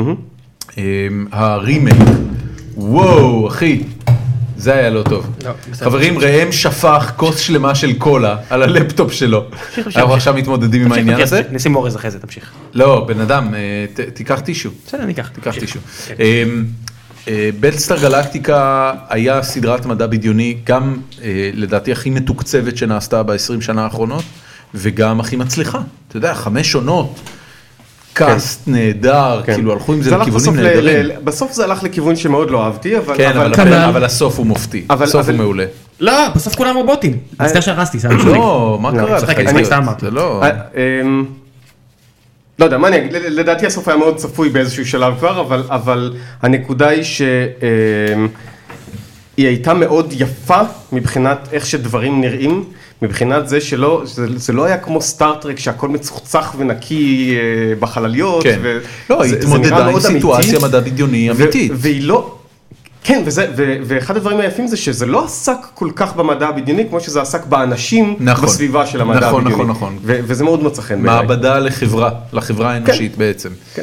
נכון, קצת בעל זבוב, קצת, אה, אתה יודע, היו שם המון אלמנטים, פוליטיקה. כן, אה, מדע ומדינה. ו- כן, כן, כן, תהליכים כן, כאלה. מאוד אהבתי את זה. ו- ו- ומשם, אגב, באמת צמח, אתה יודע, אח- אחריהם הגיעו עוד הרבה, ובשנתיים האחרונות, והשבוע מתחיל, אה, איזה שם מטופש, להציל את... אה, איך מרק הם קראו לו? ווטני. איך? מרק ווטני. להציל את מרק ווטני. כן. ג'יזוס. מה זה הקשקוש הזה, תשמע, באמת? ל- ל- לסרט במקור... אה, מאט ל- דיימון. ק- קוראים ל- ל- ל- לספר במקור The Martian. The ש- Martian. ש- שאני מסכים שיש קושי מסוים לתרגם את זה לעברית, אבל יצא... למה? כן. האיש, האיש על מאדים. יצא ספר, אה, יצא ספר ב- בעברית אה, שנקרא, קראו לו לבד על מאדים. אוקיי. שלדעתי זה מוצלח מאוד. כן, זה לא רע. ויכלו פשוט לקחת את זה כי אה, אנשים כבר קראו את הספר. עכשיו, טוב, אה, תשמע, מה אנחנו באים בטענות? אנחנו יודעים שאין לבוא בציפיות ל- למי שמחליט על השמות של זה הסרטים נכון, בארץ. זה נכון, אז, אז זה אה, נכון. אולי טיפה קטנוני מצידנו. או, או אבל לחילופין זה שהם נורא יודעים ואיום. מה הם עושים, הם מכירים את הקהל שלהם יותר טוב מכל אחד אחר והם יודעים אה, איך באמת? צריך לפנות אליהם, כן. אני, אני- אני, אני- חומות של תקווה, אני תמיד מביא את הדוגמה של חומות של תקווה, על כל 100 פאק-אפס, יש לך את החבר'ה שלקחו את שושנק רידמפשן הנוראי, אז- אז ושמו קודם כל- חומות של תקווה. קודם כל אני אגיד לך שמכיוון שמדובר בהפצת אה, סרטים, אז חלק מתהליך הפצת סרטים ל- לזירה הבינלאומית כולל אה, מתן שמות אלטרנטיביים. זאת אומרת, אם הסרט אה, יש לו שם שלא יעבוד טוב במדינות אחרות, אז אה, נותנים תרגומים אה, אה, אלטרנטיביים. הם מחייבים? לא, הם לא מחייבים. קודם כל, הם, הם כן מחייבים ברמת האישור. אתה לא יכול לקרוא למשהו, המפיץ הישראלי של להציל את uh, מרק וואטני, קיבל אישור על השם הזה. או-אה. כן, כי השם הזה מופיע על הפוסטר של הסרט, ואתה חייב לקבל קלירנס מהסטודיו. אני מכיר את האדם שתרגם את נישואים פלוס לישראל, והוא היה צריך לקבל אישורים מסוני על כל כן, הפרטים. כן, כן, זה, זה לגמרי עובר דרך הפייפליין, הם יודעים כן, על הם הכל. קיבלו הם מאשרים אישור לא על את הכל. הנושא השמיני? כן, חד משמעית. חד משמעית. זה- זה תמיד הנושא מדהים אותי, השמיני, כי- הסמו- הנושא השמיני אגב, אה, זה שם שהשתמשו בו במספר מדינות. זה ממש מדהים אותי, כי למעשה החייזר היה התשיעי, למה? כי היה גם חתול. ניפטקים. זה לא נוסע. הוא לא נוסע. תשמע, אתה משלם עליו כרטיס? יש לך- אני לא בדקתי, אתה רוצה אבל- לספור אתה חיידקים? לא אתה רוצה משלם. לספור כן, חיידקים? איפה מה? לא אתה מגביל? איפה אתה מגביל? אה, כאילו. היו לו חיידקים. פי שתיים יותר רגליים מלכל יצור אחר שהיה בסרט. זה נכון, זו מחשבה נכונה. אני אגיד לך היו איזה- צריכים לקרוא לזה הנוסע השמיני וחתול. אני- זה סרט. כמו הרביעייה והכלב של נכון. לניד בלייטון. אני אגיד לך איזה, איזה ספר, באמת אני מחכה לו, את גר בארץ נוכריה, את אה, סטרנג' פום של היי- של של היינלנד. היינלנד. כן, זה בן אדם שאתה יודע, מסטרנג'לנד. שהסיפור שם של בן אדם שנולד על, היר- על מאדים, כן. זה נורא רלוונטי, כן, כן, כן. ועצם העובדה שהוא נולד שם, כי הוא היה בן למשלחת של אה, חוקרים, אז מאדים שייך לו, כי אתה יודע, לפי החוקים אין של ארצות מישהו הברית- אחר. לא, כי הוא נולד שם. ואין אף אחד אחר שנולד שם, אז זה שייך לו. אתה יודע, לפי השיטה הקולוניאליסטית של אני פה, מה פאקר, זה שלו. I got here first. והוא בדרך לכדור Dibs, I הארץ, got כן, dibs. הוא בדרך לכדור הארץ, והוא חי עם הידיעה שעכשיו גילו שם מלא משאבים, וזה הכל שלו. כן. פנטסטי. זה ס- זה ספר מדהים, כן, של כן, האנ- כן. החלק הכי טוב ל- שלו, למה עשו היינלין אה, לקולנוע? סטארשיפ טרופרס. אה, פול נכון, הורהבן, נכון, נכון, נכון. שזה נכון. שונה, אה, היה- הוא- היה- הוא היה- לקח את הפרמיס של מלחמה בג'וקים, שזה מופיע בערך שתי- שתי עמוד- שני עמודים מתוך 250 עמודים מופתיים של ספר פשיסטי נפלא להחריד, והוא הפך את זה... אה, נפלא לס- להחריד. אה, נפלא אה, להחזיק. הטרופרס כן. בספר היו כל כך הרבה יותר מגניבים, היה כאילו אפשר היה לעשות בסרט בקלות אותם קופצים על גגות של בניינים. בסדר, ו- אבל לא, לא היה לך אפקטים, אתה יודע. בסרט הזה לא היו אפקטים. לא, לא היה, לא. סטארשיפ טרופרס הראשון הופק בתקופה שעדיין לא היה לך פול CGI. CGI היה דבר מאוד מאוד נדיר ומאוד יקר, לא היה לו תקציב לעשות את זה. אוקיי, אם, אבל- אם הוא היה בא אגב לעשות אותו היום, אני בטוח שזה היה נראה... תחשוב אגב כמה... מ- ראם? ראם מתאבד פה על המיקרופון. אה, אתה, אתה, כמה אה, סרטים וספרים ומשחקים אה, שאבו את ההשראה שלהם מסטארשיפ טרופרס. זה נכון. מסטארקראפט של בליזארד ועד היילו אה, אה, של אל בלג'י. תשכח שהוא עצמו, סארטריפ סטופר עצמו, חלק גדול מאוד מהסרט הזה מבוסס על רובוקופ.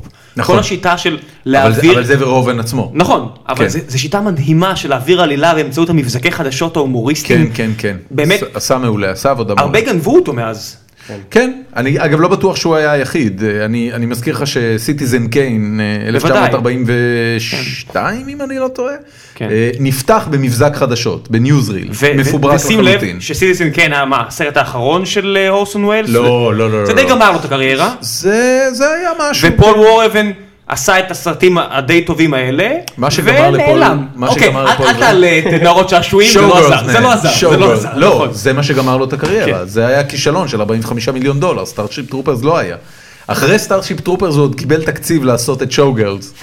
אה, אחרי שואוגרלס הוא כבר לא קיבל תקציב לכלום.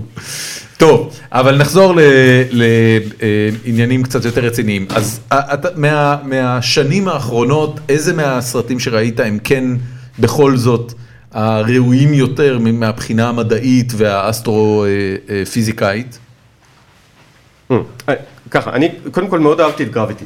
אוקיי. אה, למרות שמבחינה, לא היה שם יותר מדי מדע או אסטרופיזיקה, זה היה, מה שאהבתי שם זה שהראו חלליות, הראו איך אנשים מתנהגים בסביבה של, אה, של חלל, איך אנשים... אגב, הייתה שם תחנת חלל סינית כבר. נכון. היא קיימת?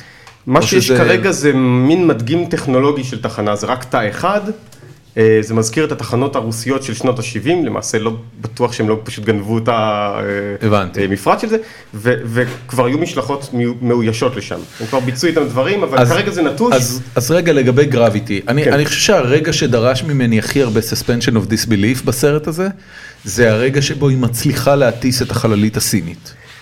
עד, עד כמה זה באמת הגיוני שטייס אמריקאי אה, לא מקצועי לחלוטין, כי היא לא אמורה להיות טייסת מקצועית, אה, מגיע ל, ל, לחללית סינית ומצליח להפעיל אותה. אה, מצד אחד זה נראה באמת, אני, אני די מסכים שזה לא סביר.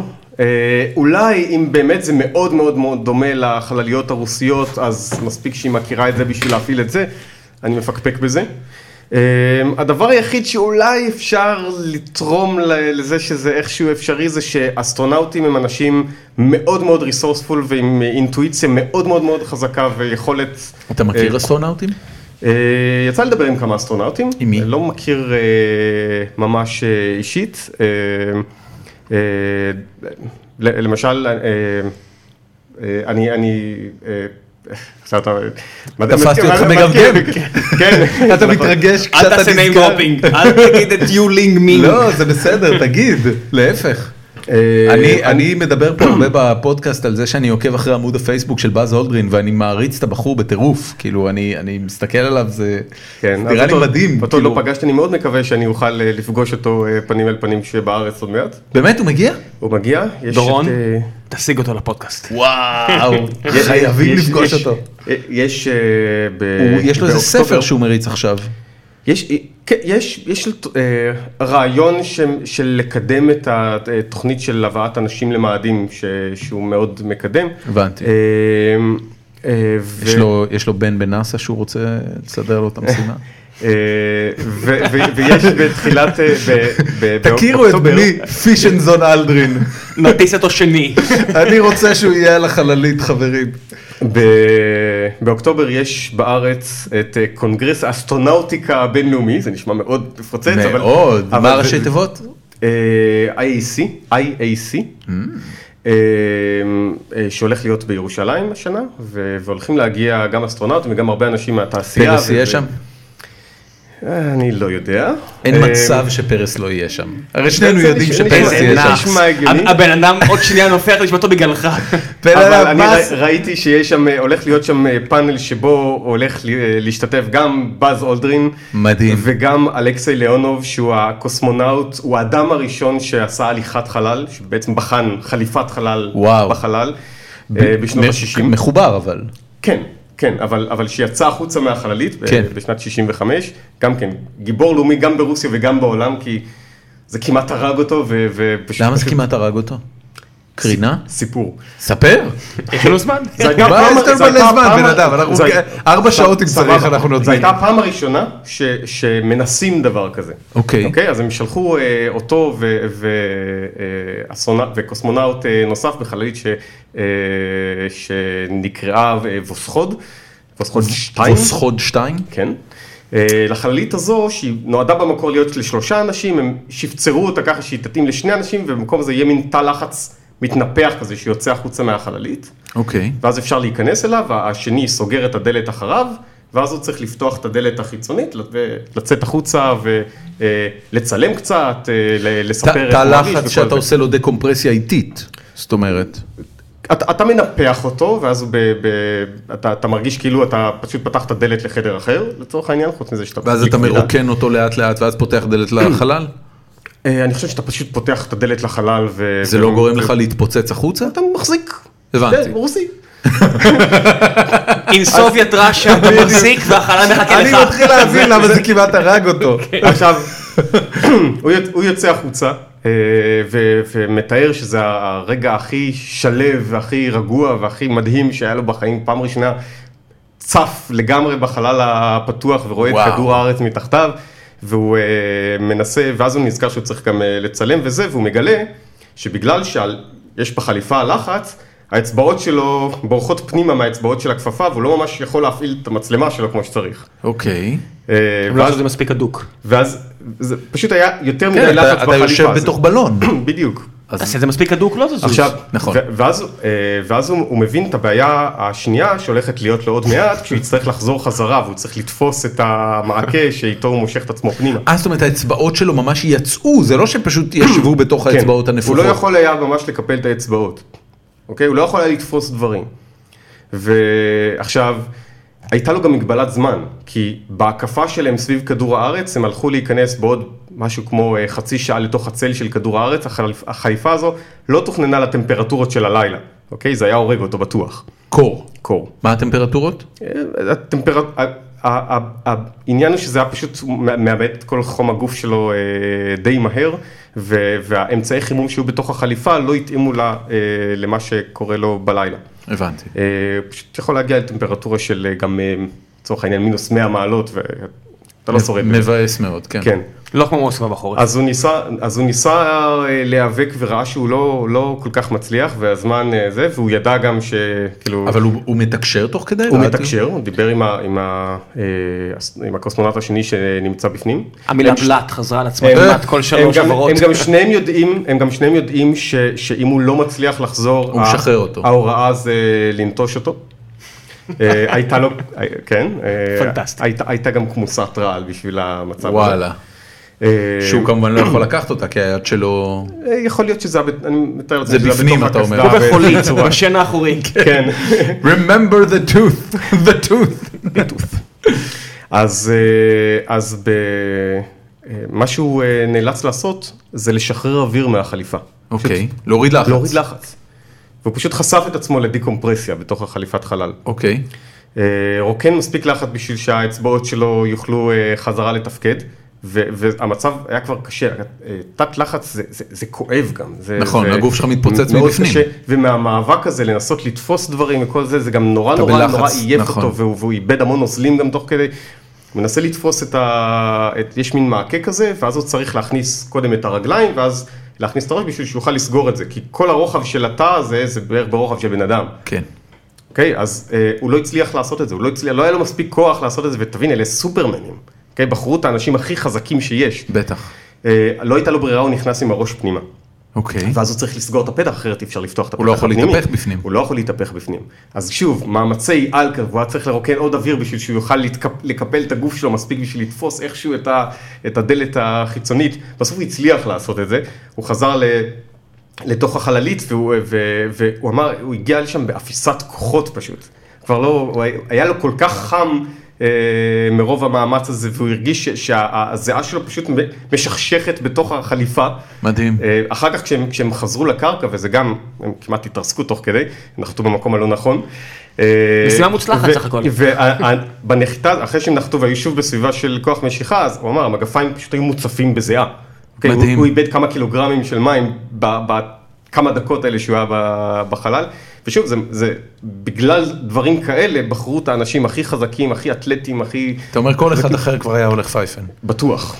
וואו. בטוח. אז האדם הזה גם הולך להיות איך- איך לא עשו על זה סרט? כן. זה סיפור מדהים. זה סיפור מדהים, אני לא יודע, אולי עשו על זה סרט ברוסית? אני לא, לא שמע, נתקלתי בזה. בשנים האלה, בוא נגיד, בוא נגיד את האמת, לא היה שום אינטרס, זה כמו שתגיד, אין סרט רוסי על אפולו 13, אין סרט רוסי על אפולו 11. כן, אבל יש סרט אמריקאי, לכן לא בדיוק, צריך לעשות אנחנו לא אחד. יודעים, הוא- תשמע, אולי יש משהו היה- בתרבות היה- הרוסית, היה- אבל... היה סדרה אה, לפני אה, אילו שנים עם אה, תום הנקס ושל סטיבן ספילברג מכדור פולו. הארץ לירח.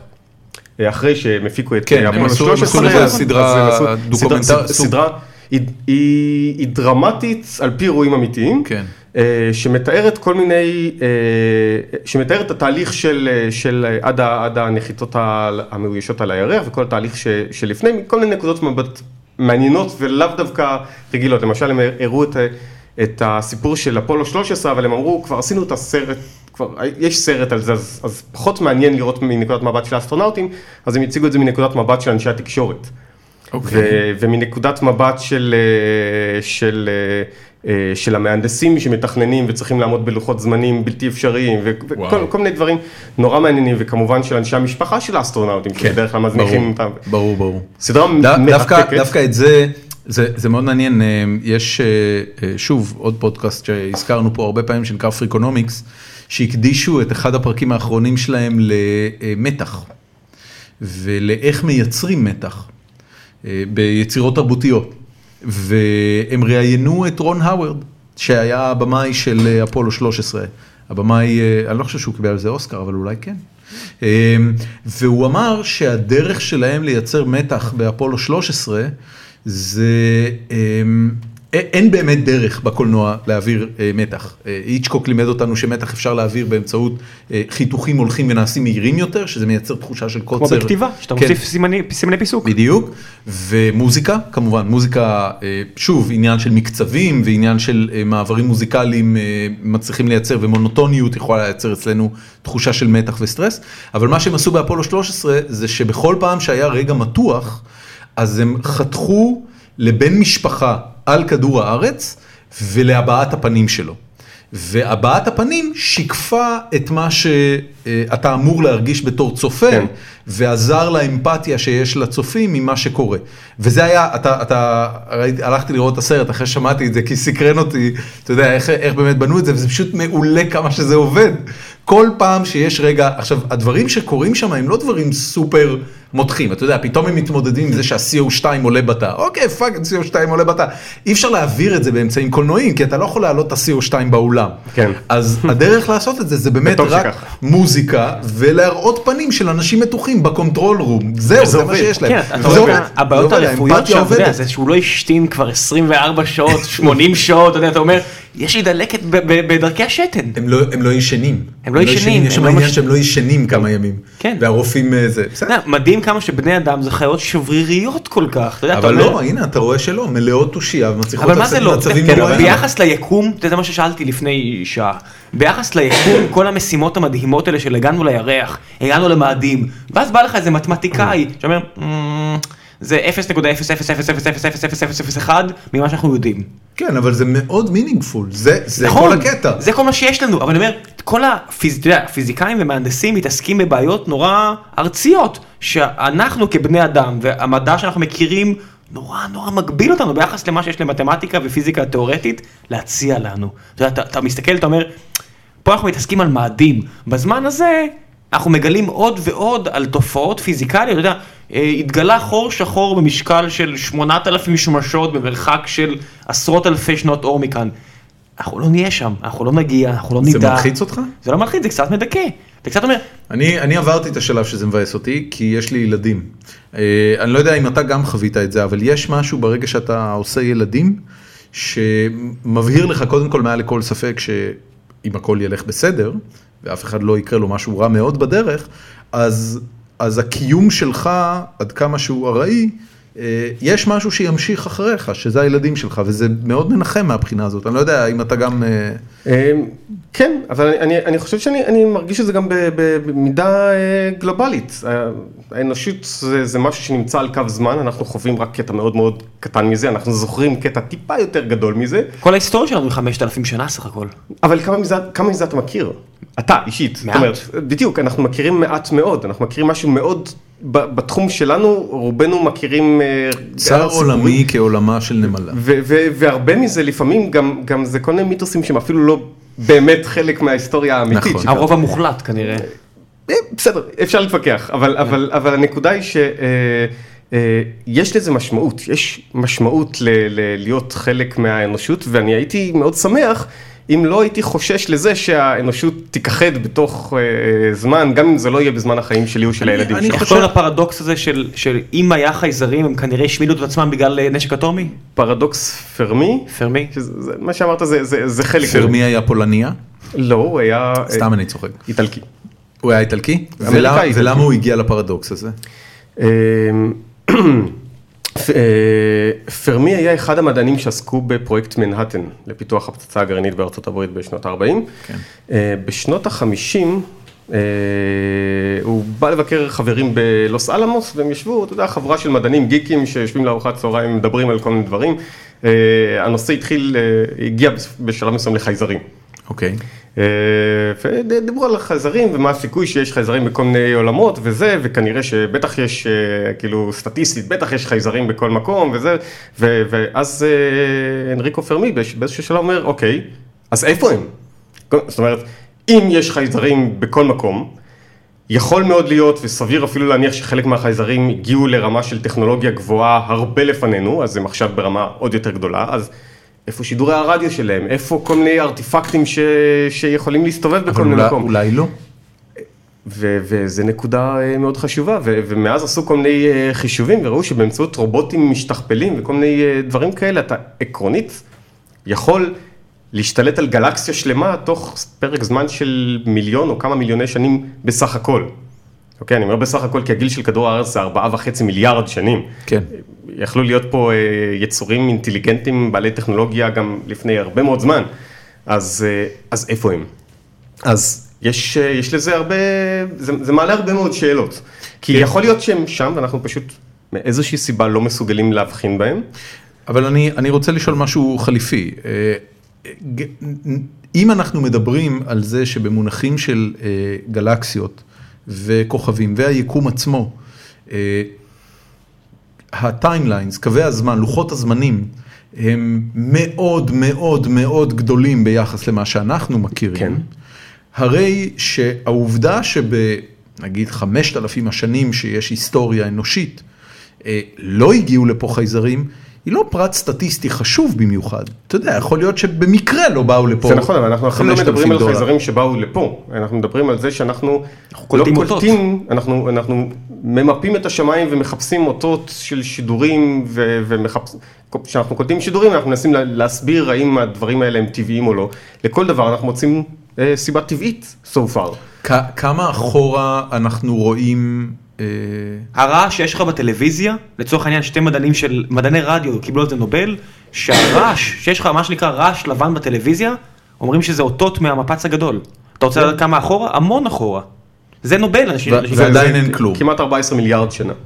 ו- ועדיין אין בתוך ה-14... שום דבר שאפשר אה, ב- להגיד שהוא בתוך לא... ההיסטוריה של 14 מיליארד שנה האלה של אותות רדיו, לא מצאנו שום דבר שיש לו פאטרן שיכול לרמז על אינטליגנציה. תן לי סינוס. אתה מבין? תן לי סינוס. אל תיתן לי כל דבר שהוא לא רעש לבן, כן. מבחינת גלי רדיו. אולי אנחנו ב... אתה יודע, אולי אנחנו בחור תחת של היקום. ואף אחד לא יכול מגיע להיות לפה. גם... גם שהיקום שוקק חיים, אבל אנחנו הראשונים שפיתחנו טכנולוגיה. נכון. יכול להיות. אי אפשר לשלול את זה. אני בסדר עם הגישה הזאת אגב. בסדר, זה גם, סבבה, גם זה הכל הדוסים יהיו ספקולציות. בסדר עם זה. זה, זה הכל, בס... מה, הכל מה בסדר. התיאוריה שלך אני, אגב, הפרטית? לא, עם מה העניין אתה הוא- מרגיש בנוח? אני חושב שמסיבה סטטיסטית קשה להסביר למה אנחנו היחידים ביקום. אני- אני חושב שגם מכל מה שלמדנו עכשיו עם התקדמות הציוויליזציה שלנו, אנחנו מגלים יותר ויותר עד כמה אנחנו פחות ופחות ייחודיים. זאת אומרת, ב- במקור חשבנו שכדור הארץ אה, סוב- נמצא במרכז מערכת השמש והכל סובב סביבו, בולשיט. ברור. אחר כך חשבנו שמערכת השמש היא משהו מיוחד, ושגילינו שכל הכוכבים הם שמשות. אה, אחר כך גילינו שיש פלנטות גם סביב שמשות אחרות, אנחנו מגלים יותר ויותר שאנחנו משהו די רגיל. עכשיו, אנחנו, אם- כלומר הסביבה שלנו, לא אנחנו בתור יצורים הס- אינטליגנטיים. הסביבה שלנו. כן. עכשיו, מה, מביא, מה מוביל מסביבה שמאפשרת קיום חיים לחיים, לחיים מורכבים, לחיים אה, אינטליגנטיים, לא ממש יודעים. זאת אומרת, אה, אפשר להסביר את זה ב, ב, באמצעות מדרגות אבולוציונית הדרגתיות על פני הרבה מאוד כן, סדרה זמן. מאוד ארוכה של סיבה ותוצאה. נכון. עד לראשון. מהראשון... הראשון לא ידעו עדיין. כן, אז... אז אני לא, זה רגע, לא רק- אבל, לא רק אבל, זה. אבל הצליחו לייצר, אה, אה, אם אני לא טועה ותגידו לי אם אני אומר פה שטות גמורה, הצליחו לייצר חיים במעבדה. הצליחו לברוא חיים במעבדה מחומרים שאינם חיים. לא. לא. לא הצליחו. אתה לא לא. יכול לקחת איזושהי ביצה, יש, יש קבוצה, שנגיד בוויצמן, שעושים RNA, שזה, אתה יודע, יותר פשוט אפילו מ-DNA, מאיזשהו, כן, אתה כן, יודע, כן, מה- כן, מהביצה המקורית, עדיין אף אחד לא עשה את זה. הבנתי. זאת אומרת, ה- ה- הניסוי, אני, אני מצטט פה משהו מהזיכרון שכנראה הוא יש קשקוש גמור. ניסוי יורי מילר, אה, אה, ש- שזה כנראה שמעבירים זה. זרמי חשמל חזקים מאוד דרך אדמה ונוצרו שם חדי תא, זה קשקוש. לא חדי תא, לא, לא, אבל- לא. מה, מה שנוצר שם זה מולקולות אורגניות מורכבות, אני אוקיי. מקווה שאני מדייק פה ב- בהגדרה, כי אני לא ביולוג. אמ, אבל בין זה לבין אה, RNA, או מ- משהו שיכול לייצר כן, חיים, רמת יש- אוקיי. המורכבות Mm. היא רמת מורכבות מטורפת. ש- שאי אפשר להסביר אותה או לא הצליחו אנ- לשחזר אנחנו- אותה במעבדה. אנחנו עדיין לא יודעים להסביר אותה או לשחזר אותה. אמ, ו- וזו אחת השאלות הגדולות, זה אחת ה- אה, ה- אחד אז- המניעים הגדולים לחקור את מאדים אגב. כן. כי כי, אולי למצוא את זה. כי אם אנחנו נמצא שם, אתה אומר החוליה החסרה היא לא בינינו לבין קופים, אלא בין, בין משהו לכלום. בין, בין, כן, בין כלום למשהו אנחנו אפילו חי. לא יכולים, זה כמו, אה, אנחנו לא יכולים להגיד שום דבר לגבי יצירת חיים, כי יש לנו רק דוגמה אחת כזו שאנחנו מכירים, אוקיי? שאנחנו אפילו לא יודעים להסביר איך זה קרה. אנחנו אפילו לא יודעים להסביר שזה התחיל פה. אוקיי? זה, אנחנו הבנתי. כן. יודעים פה שכדור... מיתיוס מ- מראה אחרת. אנחנו יודעים שכדור הארץ אה, הוא סביבה נוחה מאוד לחיים כמו שאנחנו מכירים אותם היום. נכון. אה, דרך אגב, כשהתחילו החיים הסביבה הייתה שונה לגמרי והחיים, ה- ה- נו, בטח, בן אדם, תל אביב לא הייתה. אה. ה- לא היה פה כלום, לא היה פה האצות בתי קפה, הכחוליות לא היה- הראשונות, היצורים הראשונים עשו שינוי אקלים אה, גדול מאוד ו- ו- ו- ושינו את כל מה ש... את הסביבה של כדור מה הארץ. מה היה? היה יותר מים? היה רק מים? היה... חמצן, בקושי תחשוב היה לא- על- חמצן חופשי באטמוספירה, בקושי, בקושי. הבנתי. היה, למעשה האטמוספירה אומרת, של מאדים מאוד דומה לאטמוספירה שהייתה פה, רק שפה היא הייתה הרבה יותר צפופה. אה, אתה אומר התרומה המשמעותית ביותר של החיים לאקלים של הכוכב זה המעבר מ-CO2 לחמצן. אה, אפשר להגדיר את זה ככה, אה, זה לא היה תהליך אה, של מה בכך, זה לקח זמן וזה גם הכחיד בערך 90 אחוז מהחיים שהיו קיימים באותה תקופה. זאת אומרת, זה לא בא בחינם. אה, Nothing ever does. כן, אז, אז זה, זה לגבי שינוי אקלים, שזה נושא אחר לגמרי. שינוי אקלים משפיעים מאוד מאוד על, על כל עולם החי והצומח. אה, אני, אני, סליחה, קטעתי אותך, תמשיך. כן, אז עכשיו, הנקודה היא שגם החיים האלה, כשהם התחילו, הם התחילו בתור חיים שונים מאוד ממה שיש היום. היה איזה מיליארד שנים שהחיים נשארו בצורה מאוד מאוד מאוד בסיסית, ועשו את הסוויץ' הזה שמאפשר להם להפוך לחיים מורכבים יותר, ולהתחיל גם לעבוד בקבוצות ולפתח רב-תאים, הרבה הרבה הרבה מאוחר, אה, מאוחר יותר. עכשיו, יכול להיות שבדוגמה אחרת, בעולם אחר שבו ייווצרו היצורים החיים האלה, זה יקרה הרבה יותר מוקדם. אנחנו, אנחנו פשוט לא יודעים, כי כן. כן. אין לנו דרך לדעת, יש לנו דוגמה אחת בלבד, אנחנו לא יודעים גם להאיץ את זה. נכון? אנחנו לא מדהים, יודעים- מדהים לראות כמה ה- הסקייל עולה, אתה יודע, עלינו מכוכב אחד עם כמה כוכבים מסביבם, עלינו, ל- אתה יודע, ל- לגלקסיות, ליקום בלתי מוגבל, ולאחרונה אנחנו מדברים פה על רב יקומים, אתה יודע, על, על זה שהמתמטיקה שאנחנו מכירים מכתיבה, אתה יודע, יקום ספציפי, עם הקבועים הספציפיים שלו, וזה רק אחד מיני מיליארדים רבים, אתה יודע, כל פעם שאנחנו מגלים איזה משהו חדש, הכפולות הן במיליארדים, אתה מבין? אבל אתה אנחנו מדבר, כל כך- אתה מדבר על התיאוריה, אתה לא מדבר על הוכחות. לא, פה, פה יש, כן. פה יש אה, עניין אה, קצת שונה, שכל הנושא של המולטיברס, של ה- ה- הרב יקום, אה, זה משהו ש, שיש מצב שאנחנו לעולם גם לא נוכל להוכיח את זה, ו- וזה זה, זה נקודה בעייתית, זה אף פעם לא, יפ, לא יכול, אולי, אני חייב לסייג פה, אה, יהפוך למשהו שהוא באמת, אה, ש, שאפשר לקבוע שהוא באמת קיים, שבאמת יש דבר כזה. א- איפה, איפה זה, אה, התחלתי לשאול קודם וקיוויתי שתגיע לזה, אבל, אבל כל מה שאמרת זה רק מה אנחנו לא יודעים. מה, מה הדעה האישית שלך, אם יש בכלל כזו, או שאתה פשוט נשאר ספקן ומחפש תשובות כל הזמן? אמ, אה, אני חושב שזו הגדרה טובה, אני חושב מאוד, אה, אין לי בעיה גדולה להגיד שאני לא יודע, זה, זה משאיר אותי סקרן, מ- מאיזה גיל זה, אין לך בעיה להגיד שאתה לא יודע? אמ, אני לא יודע. אמ, אני- אני, אני, אני יכול להגיד לך שעבורי אה, היכולת להגיד אני לא יודע התפתחה אצלי בגיל מאוחר, כאילו לא, רק זה לא, שנות זה, לא, ה-20, זה, לא היה, זה לא היה מההתחלה, אבל אני הבנתי באיזשהו שלב, יכול להיות שזה בסביבות הלימודי תואר ראשון או, או משהו כזה, ש, שהבנתי שיותר נוח לי אפילו להודות בחוסר ידיעה מאשר פשוט להגיד משהו ו... ו... ולהיות טועה. ו... ואולי אני טועה, אני אפילו, אולי אני אפילו לא אדע אם אני טועה. אז אתה היום מסתכל על הידע בתור מה שגילינו גילינו, מה שלא, פשוט צריך להמשיך לחפש. בפירוש כך, אתה גם אומר את זה לילדים שלך? כן. כן. איך הם מקבלים את זה? אני, אני קודם כל אומר, אה, תשמעו, לכם יש אינטרנט. אין, אין, אין הרבה תירוצים. אתם רוצים לדעת משהו, לכו תחפשו. אני מעולה. לא, אני לא מקור של כל התשובות אה, בעולם, ואני אף פעם לא אהיה. מעולה. אה, תשמע, זה פריבילגיה, שינצלו את זה. חבל על הזמן, זו פריבילגיה מדהימה. אז, אז זה משהו... אה, אני תמיד מפנה מאוד אנשים חשוב. לפי זה וויקי ולכל ה... ה- אתה יודע, וויקיפדיה, ש- שאני הייתי סטודנט, שזה בדיוק התחיל, אנשים אמרו, אתה לא יכול להסתמך על זה, זה כלום, זה רפש, זה הכל. כן, והיום יש כן, לך כן. ערכים של... אני תמיד מציין את פיזי וויקי של מכון ויצמן, שזה ערכים ברמה מדהימה. אתה יודע, היום מי שרוצה ללמוד, אתה יודע, יש לך את אה, לא מדויק, שזה בלוג של אה, בחור ב... לא רוצה לעוות את שמו, בחור ב- מהטכניון, שהוא לק- מדעי המחשב ומתמטיקה קרובים לליבו, ויש לו בלוג מדהים מדהים מדהים למי שרוצה ללמוד מתמטיקה, ואת פיזי וויקי בוויקיפדיה, אני אשים שם לינקים באתר שלנו. מי שהיום רוצה לדעת, הכמות ידע שהוא יכול להשיג בחינם ברמה גבוהה בצורה נגישה, היא היא מדהימה. היא- היא אולטימטיבית. היא לא אולטימטיבית, כי... יש, יש איזשהו ידע שלא מונגש? בוודאי, כל דבר שהוא מעל לרמה של מדע פופולרי. בסופו של דבר, אם אתה רוצה להתמקד ולמצות איזשהו נושא, בסוף אתה תגיע לנקודות ש, ש, ש, ש, שגם ויק, ויקיפדיה והמקורות שלה לא יודעים אה, לציין. כן.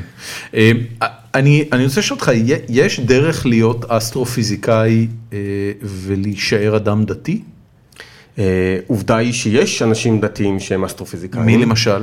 אה, מאחר ואני לא אסטרופיזיקאי, אז אני לא, גם לא רוצה לנקוב, לנקוב בשמות, אבל אה, בפקולטה, ל, ב, במחלקה למדעים פלנטריים למשל, אה, אני למדתי אצל אה, מוריס פודולק, שהוא אה, אה, מומחה בתחום, פרופסור, אה, ו- והוא אדם דתי, וזה, ו- וזה לא מתנגש לו. ושאלת אותו פעם? דיברתי איתו פעם על זה. מה הוא אמר? אמ, אמ, אה, שוב, זה, זה, אני מרגיש לא כל כך נוח אה, להכניס מילים ל, ל, אחרי שציינתי רק שם. אם אתה מצטט אבל, אותו, אתה יודע.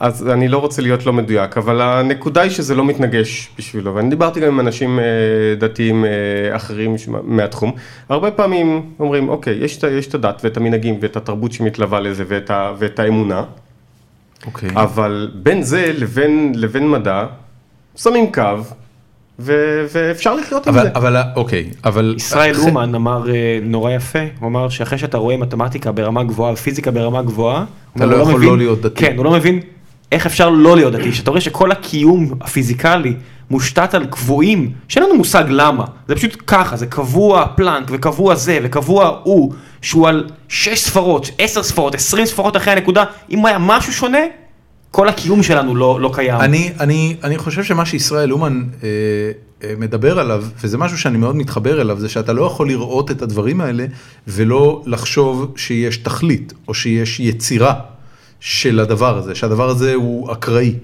אבל מכאן ועד לגזור אמונה דתית של, אתה יודע, לצורך העניין, לשבת בסוכות.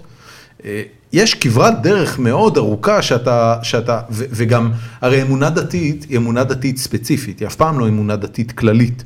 ישראל אומן לא, לא חושב שהדת היהודית היא אחת מיני דתות רבות שכולן צודקות. אנחנו לא אלא יודעים, הוא- לא נכניס למילים, כמובן, מניחים, נכון, מניחים, נכון, מניחים, נכון, נכון. מניחים, מניחים. לא, אבל אה, אתה יודע, אני מניח שאדם שהיה, אדם דתי, חובש כיפה. לא, אני לא יודע, אדם דתי יכול לחשוב שכל הדתות צודקות? חיי פאי, יש את הספר הנורא מצליח הזה שהגיבור שם אומר, כן, הכל נשמע אחלה. אני סבבה עם זה. כן. תראה, אני, אני, אני לא אתיימר להבין אני, אנשים אה, דתיים, אני מעולם לא הרגשתי אה, קרוב. אה, גדלת בבית לדת. עם איזושהי זיקה דתית? לא. אוקיי. לא. אה, ו, ו, ו, ו, ושוב, אין לי בעיה עם זה, אני חושב שאמונה כן ממלאת איזשהו צורך ש, שלרובנו יש במידה כן, זו אני, או אחרת. אני מסכים עם ו- זה לחלוטין.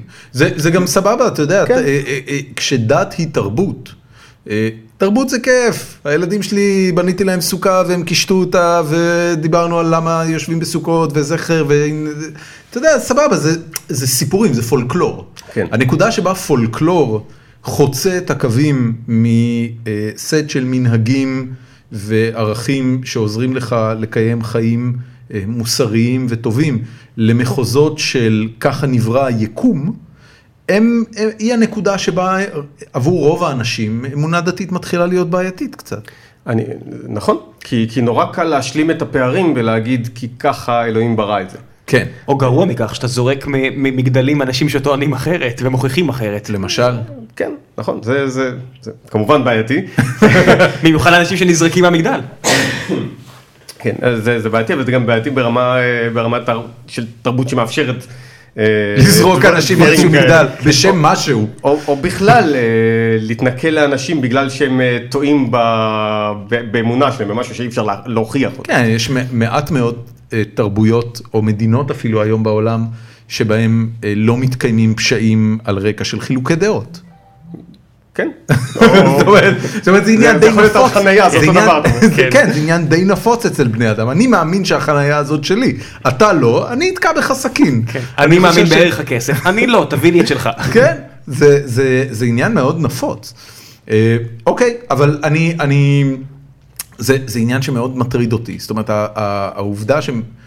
מצד אחד אה, חקר המדע ו- וקונטקט של אה, רוברט זמקיס באמת חקר את העניין הזה מאוד יפה אה, ונתן גם תשובה מאוד ברורה לפחות לשיטתו כבמאי על, על איפה עובר הקו בין אמונה לבין, אה, לבין אה, אה, מדע ו- ואיך צריך להתייחס לזה בעולם המערבי. במקרה של אה, אינטרסטלר אגב אם דיברנו הוא עושה משהו נורא מעניין כי ה... האימוץ של משהו אה, מטאפיזי הופך להיות לפתרון של הבעיה שהם מתמודדים מולה, ומביא את הפתרון הפיזיקלי בעקבות זה. לא יודע, זה כאילו, זה בעיניי זה מתוחכם, אני אומר לך, אתה חושב... לא, אין בעיה, אני לא אומר שלא. אה, אני לא חושב שזה סרט כזה גרוע. הוא לא, הוא לא, הוא לא. אני הוא אוהב לא. את הסרט הזה, הוא תאהב אח- הוא תאהב אותו אחלה, גם אתה. הוא ארוך מדי קצת בעיניי, כמו רוב הסרטים היום. כן, הוא ארוך. הוא ארוך. אבל סיפור טוב, סיפור טוב. סיפור טוב. כן. טוב, אמ, בוא נקדם את דברים אנחנו, לפני הסוף. אנחנו מתקרבים לסיום, אה, ובנקודת הזמן הזאת בדרך כלל אנחנו מתחילים לדבר על כמה דברים אה, שאתה עושה שאפשר לקדם. אז בוא נתחיל, קודם כל יש לך עמוד פייסבוק, כן. מה שמו? שמו מסה קריטית. מעולה. מסה קריטית. מסה קריטית. כמה זמן אתה כבר מריץ אותו? אמ, מתי התחלתי להריץ אותו? אה, שאלה טובה. שמתי אני ברשימה. כותב, אני כותב בלוג שנקרא אה, מסה קריטית, שאותו אני מריץ מאז אה, קיץ 2010. אני התחלתי באיזשהו שלב אה, להפעיל דף פייסבוק עם אותו שם בשביל אה, לעזור לקדם את הבלוג, באיז- באיזשהו שלב, אי אפשר לקרוא לזה עצלות, אני כותב יותר בדף מאשר אה, בבלוג, היום אני כבר... כי שם אתה מקבל לייקים, זה לא עצלות, זה נקרא דופמין. אה, יכול להיות. ב- אה, בבלוג מקבלים הרבה גם פחות יותר, דופמין, אני יותר אומר קל לך לכתוב כן. באחריות. דברים ב, אה, בפייסבוק, כי הם לא חייבים להיות ארוכים ו... זה- כן, פחות פורמטינג, יש לך כן. סטנדרט מאוד, אה, כן, ברור, ו- ו- ברור. ועדיין יש סטנדרט אה, ש... ש... קש... שאני קשוח ה- לגביו. הכתיבה ב- במסה קריטית, אה, שנחשפתי לחלק מהפוסטים בעקבות זה שהזמנו אותך לפה, אה, היא מאוד מאזנת. זאת אומרת, היא מאוד לוקחת עניינים אה, אה, שנמצאים בחדשות ושנמצאים אה, אה, ברומו כן. של עולם ומנסים, ומנסה קצת להוציא מהם את ההייפ, להוציא מהם את ההתלהבות, אה, לצנן... להוריד את- לקרקע קצת. כן, להוריד לקרקע. והשאלה אם, אם, זאת אומרת, אם זה לא מבאס. תשמע, אני... כי זה אני- כיף להתלהב. זה כיף נורא להתלהב, ואני נורא מתלהב, אוקיי? אבל הנקודה היא שברגע שבשביל ההתלהבות אה, מקריבים את, ה, את, ה, את המסר ואת, ה, ואת העובדות, זה- איפה, זה- איפה זה- ראית את זה קורה, למשל? הד- הדוגמה ש- שהכי משגעת אותי, שקורית אה, כמה פעמים בשנה ב- בערוצי החדשות ו- ושאר התקשורת האינטרנטית והכתובה, אה, של אסטרואיד שעלול לפגוע בכדור הארץ. אה, תמיד מביא לייקים. אין ספק שזה מביא מלא לייקים, אחי. עכשיו, אה, הנקודה היא כזו, יש המון אסטרואידים ומגלים כל הזמן אסטרואידים חדשים, וחלקם יש איזשהו סיכוי מסוים, אבל איפה ברוס וויליס? אין, אין, וואו, יש לי בטן מלאה על הנקודה המסוימת הזו, אבל לא בטוח שיש לכם זמן על בתוכנית מייקל הזאת. ביי באופן כללי, לכולנו יש בטן מלאה. וספציפית על ארמגדון. כבוש! אז, אה, אז אה, אין, אין, אין מצב כזה, אין אה, מצב של אסטרואיד שיש סיכוי שהוא יפגע בכדור הארץ וזה, מה, לא, אין כזה, אוקיי? תסביר. כשיש... קודם כל זה מאוד קודם- מרגיע. כן, מאוד מרגיע. כן. אני מקווה אז- שמי שמקשיב לזה ידע ל- לצטט את זה בשיחות סלון. הם, הם, אומרים, הם אומרים כל מיני דברים כאלה, שאני בכוונה מכניס את השיבוש, כי, כי ככה זה, זה מופיע, של אה, אסטרואיד שאולי יפגע בכדור הארץ, אבל הוא יעבור במרחק של פי 28 המרחק של הירח מאיתנו. אוקיי, מה, מה אמרתם פה בדיוק? כי יש יש סיכוי. סיכוי, יש סיכוי שאנחנו בכלל לא יודעים למדוד. לא, תשמע, רוב האסטרואידים היום לא מתגלים על ידי נאסא או על ידי טל- טלסקופי חלל משוכללים או דברים כאלה, אלא על ידי טלסקופים רובוטים אה, שמפעילים אותם או אוניברסיטאות או אפילו חובבים. ש, שהציוד היום מספיק זול בשביל שיהיה למיליוני אנשים אמצעי תצפית אה, אסטרונומית והם יכולים להסתכל על השמיים ולמפות ולדווח על מידע.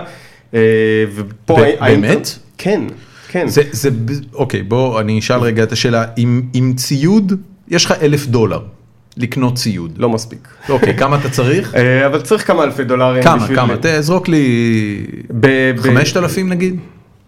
אפילו פחות. אוקיי, אפשר לקנות אלפיים? טלסקופ יפה, כן. אוקיי, אה, ב-2,000 טלס- דולר, טלסקופ אני טוב. קונה טלסקופ, מה הטלסקופ הזה יודע לעשות? הטל- לא כמה רחוק הוא יגיע? ו- זה לא עניין של מרחק. אה, טלסקופ זה מכשיר לאיסוף אור, אוקיי. אוקיי? אז זה אומר שאתה יכול לראות גופים קטנים יחסית, רחוקים יחסית, אה, בצורה טובה, ולדעת בדיוק איפה הם נמצאים בזמן מסוים. אוקיי. עכשיו אם אתה עובד יסודי וכותב את זה גם, ולא פשוט אה, מסתכל ומתלהב, אוקיי. אז, אה, אז אתה יכול לדווח את התוצאות האלה אה, לגורמים שיכולים להכניס את זה. איזה גודל גופים? כאילו, אתה יודע, אנחנו עכשיו- מדברים פה על אסטרואיד, אסטרואיד נגיד אפילו בגודל של מדינת ישראל. לא, אוקיי? לא, שזה... לא, לא, לא, שנייה. אה, אוקיי. אסטרואיד בגודל של מדינת ישראל, או כמו שזה, בגודל טקסס. של טקסס. אה, אין ברור כ- שזה יהיה בגודל של טקסס. תקשיבו, אין כאלה, אוקיי? אין- אין אסטרואידים בגודל של אין טקסס. כאלה שפספסנו, לא יכולים- לא יכולים להיות, אוקיי. אוקיי? אני- אני, רק בשביל- ג'ונסון. רק בשביל להמחיש, אסטר- יש אסטרואיד אחד בגודל של טקסס. איפה? אוקיי? אה, הוא נק- הוא נקרא קרס, האסטרואיד... קרס? אסטרואיד- קרס, או סרס, או אה, צרס בחלק מהספרים. הבנתי.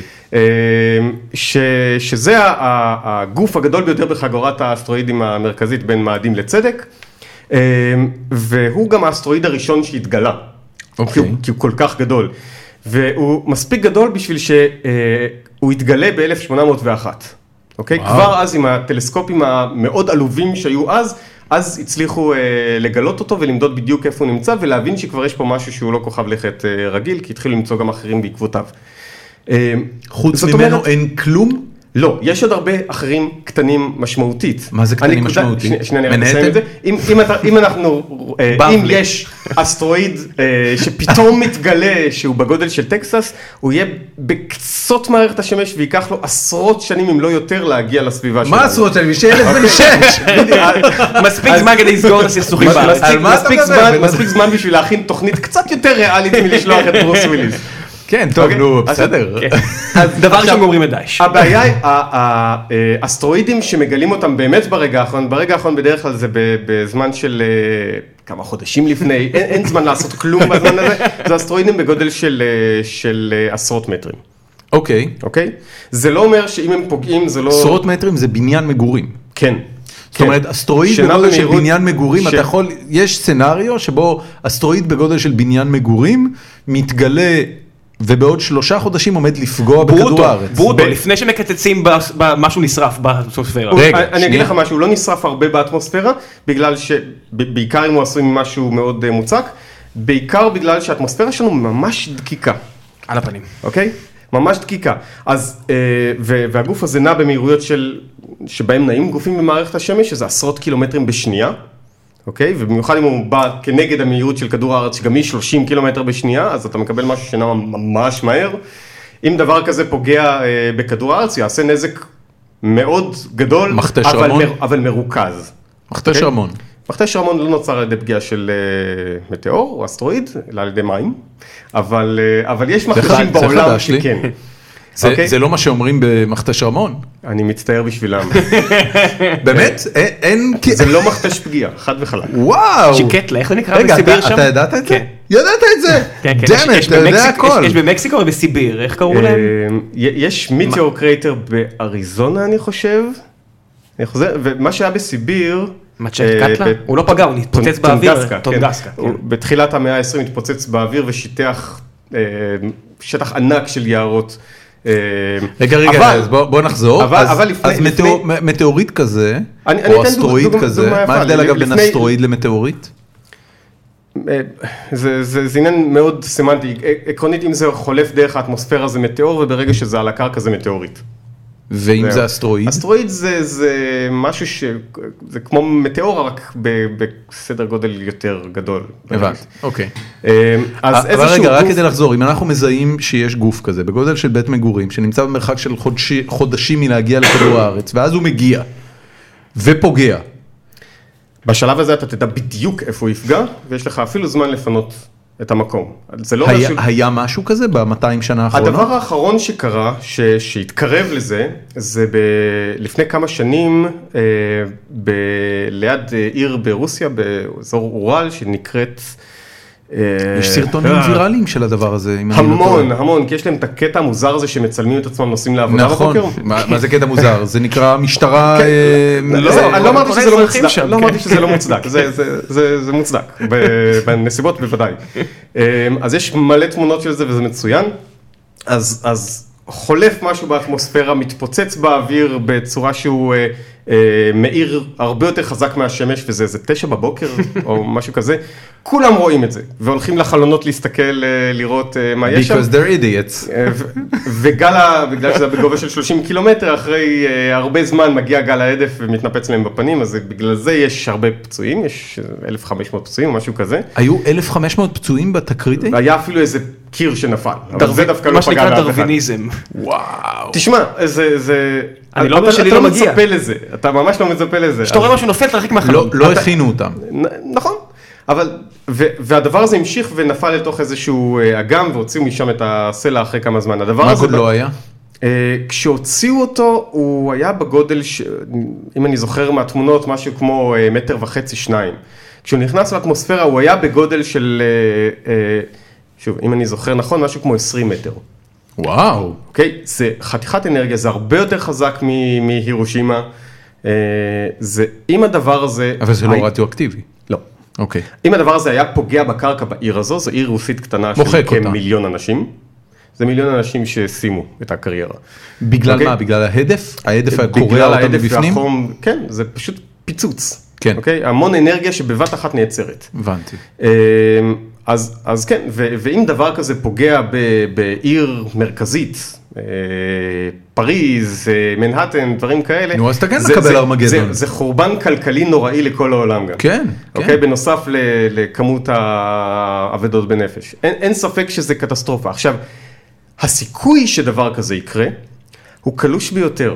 המקומות המיושבים על פני כדור הארץ הם מעטים אף- מאוד. מעטים מאוד. נכון. הרי רוב כדור הארץ בכלל מוצף מים, אנחנו כן. לא גרים שם, אה, וגם ביבשה אנחנו גרים רק באזורים מאוד מאוד מרוכזים וקטנים, אז זה לא שאין סיכוי, כאילו יש יקרה סיכוי. פתח תקווה, אתה אה, יודע. אז, אז אבל אין, אין מה לדבר על מאמצי הצלה.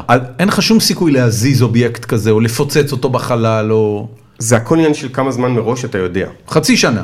אז חצי שנה זה כנראה לא מספיק.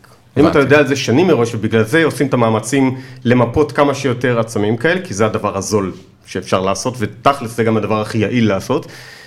אם אתה תמצא משהו עשר שנים לפני שהוא פוגע, כבר יש מה לעשות. מה אתה יש יכול לעשות? להזיז אותו, כי כל הרעיון הוא, תשמע, לה- להזיז משהו בגודל של אה, בניין, רק מוצק מסלע, או אפילו בגודל של הר, זה משהו שנשמע בלתי אפשרי. אבל אם למה? דווקא בניין? בניין? ת- אתה שם רקטה מספיק חזקה על בניין והוא זז. אה, לא אתה- אם הוא אתה- עשוי מסלע מוצק, בניין הוא חלול, אבל אה, אז קשה להזיז דברים כאלה, אבל כן, אבל אפשר. אתה באפס- הנקודה היא אתה שלא- באפס חיכוך, אתה הנקודה היא צריך- שאתה לא צריך להזיז אותו הרבה. נכון, כי כדור הארץ רבע בת- מעלה, בתנועה, אתה בדיוק. צריך להזיז אותו ככה שהוא יגיע לאיפה שכדור הארץ כן, נמצא, כן. ב- באיחור של עשר דקות ופספסת. בדיוק, בדיוק. נכון. אוקיי? אז יש כל מיני דרכים. אפשר עם פצצת אטום למשל, לפוצץ לידו, כך לתת לו כן. שהקרינה הדף. תזיז אותו קצת. לא מספיקה פצצה אחת אגב, Mm. אבל בסדר, יש הרבה. יש לנו מספיק פצצות. רק לישראל, או- אה, יש אתם- אל יש כל תגיד מיני- יש כלום, כל מיני הם לא- אין שיטות לנו כלום. איזוטריות אחרות כמו אה, לשנות את הצבע שלו ואז אור השמש יגרום לו לשנות את המיקום שלו. מה יש, זאת אומרת, איך אתה משנה את הצבע שלו? צובע אותו?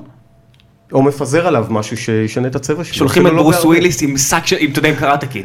אוקיי. וואקס אוף, וואקס אוף. כן, בדיוק. אתה זה. יודע, אני, אני, וואו, ממש נגמר לנו הזמן, אני מתבאס, הייתי מדבר איתך עוד נביא שעתיים אותו לעוד כמו פרק. כלום. נביא אותו לעוד פרק. This was too good, אבל אני, אני רוצה לשאול אותך, כי נזכרתי פתאום במשהו שהיה אה, הייפ מאוד גדול עליו אה, כשהייתי צעיר, ואני לא יודע מה נגמר עם זה. היה פרויקט שניסו לה, לעשות מפרשית על הירח. שמעת על זה פעם? מפרשית על הירח? מפרשית אל הירח. אוקיי.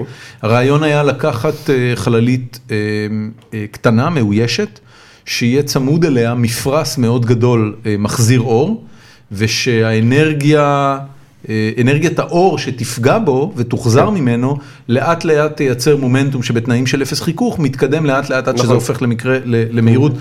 אני אומר לך פה משהו שלא שמעת עליו אף פעם. שמעתי על זה, נקרא סולאר סייל. אוקיי, כבר עשו דברים כאלה, לא אוקיי. בקנה מידה של מה שאתה מדבר, ו- ולא בשביל להגיע ספציפית לירח, להגיע לירח, זה ייקח המון זמן בדרך הזו. נכון.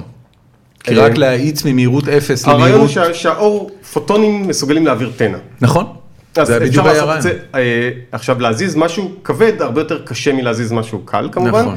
אלא אם כן יש לך מפרס ממש ממש גדול, אז עכשיו השאלה היא איך לייצר מפרס ממש ממש גדול, שאתה יכול בהתחלה לארוז אותו למשהו קטן ושעדיין ייפרס כמו שצריך. נכון. אבל זה עניין טכנולוגי ו- ועובדים על זה, אז אה, קודם כל אה, היה ניסוי של האגודה הפלנטרית שזה סוג של מלכר... אה, ישראלי? אה, לא, אמריקאי. אוקיי.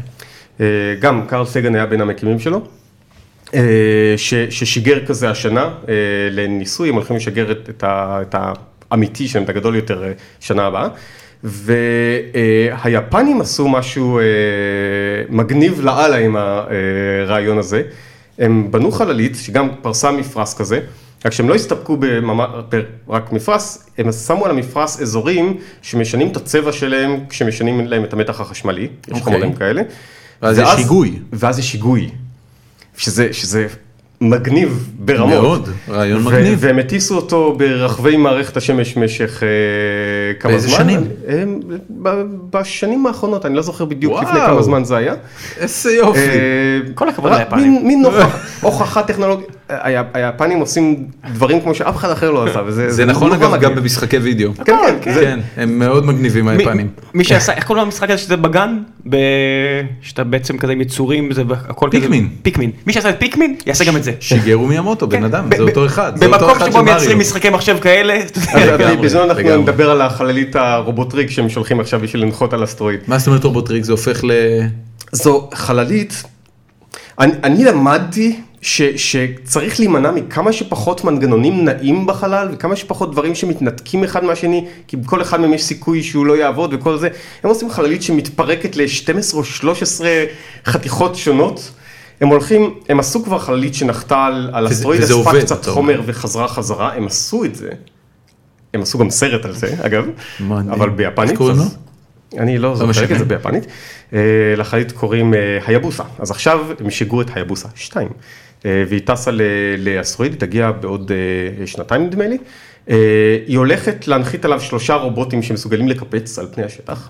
לקפץ. לקפץ, כי אין שם כמעט כוח משיכה, אז יש מין מטוטלת כזו שמקפיצה אותם. אה, היא הולכת... זה עדיף על לנסוע.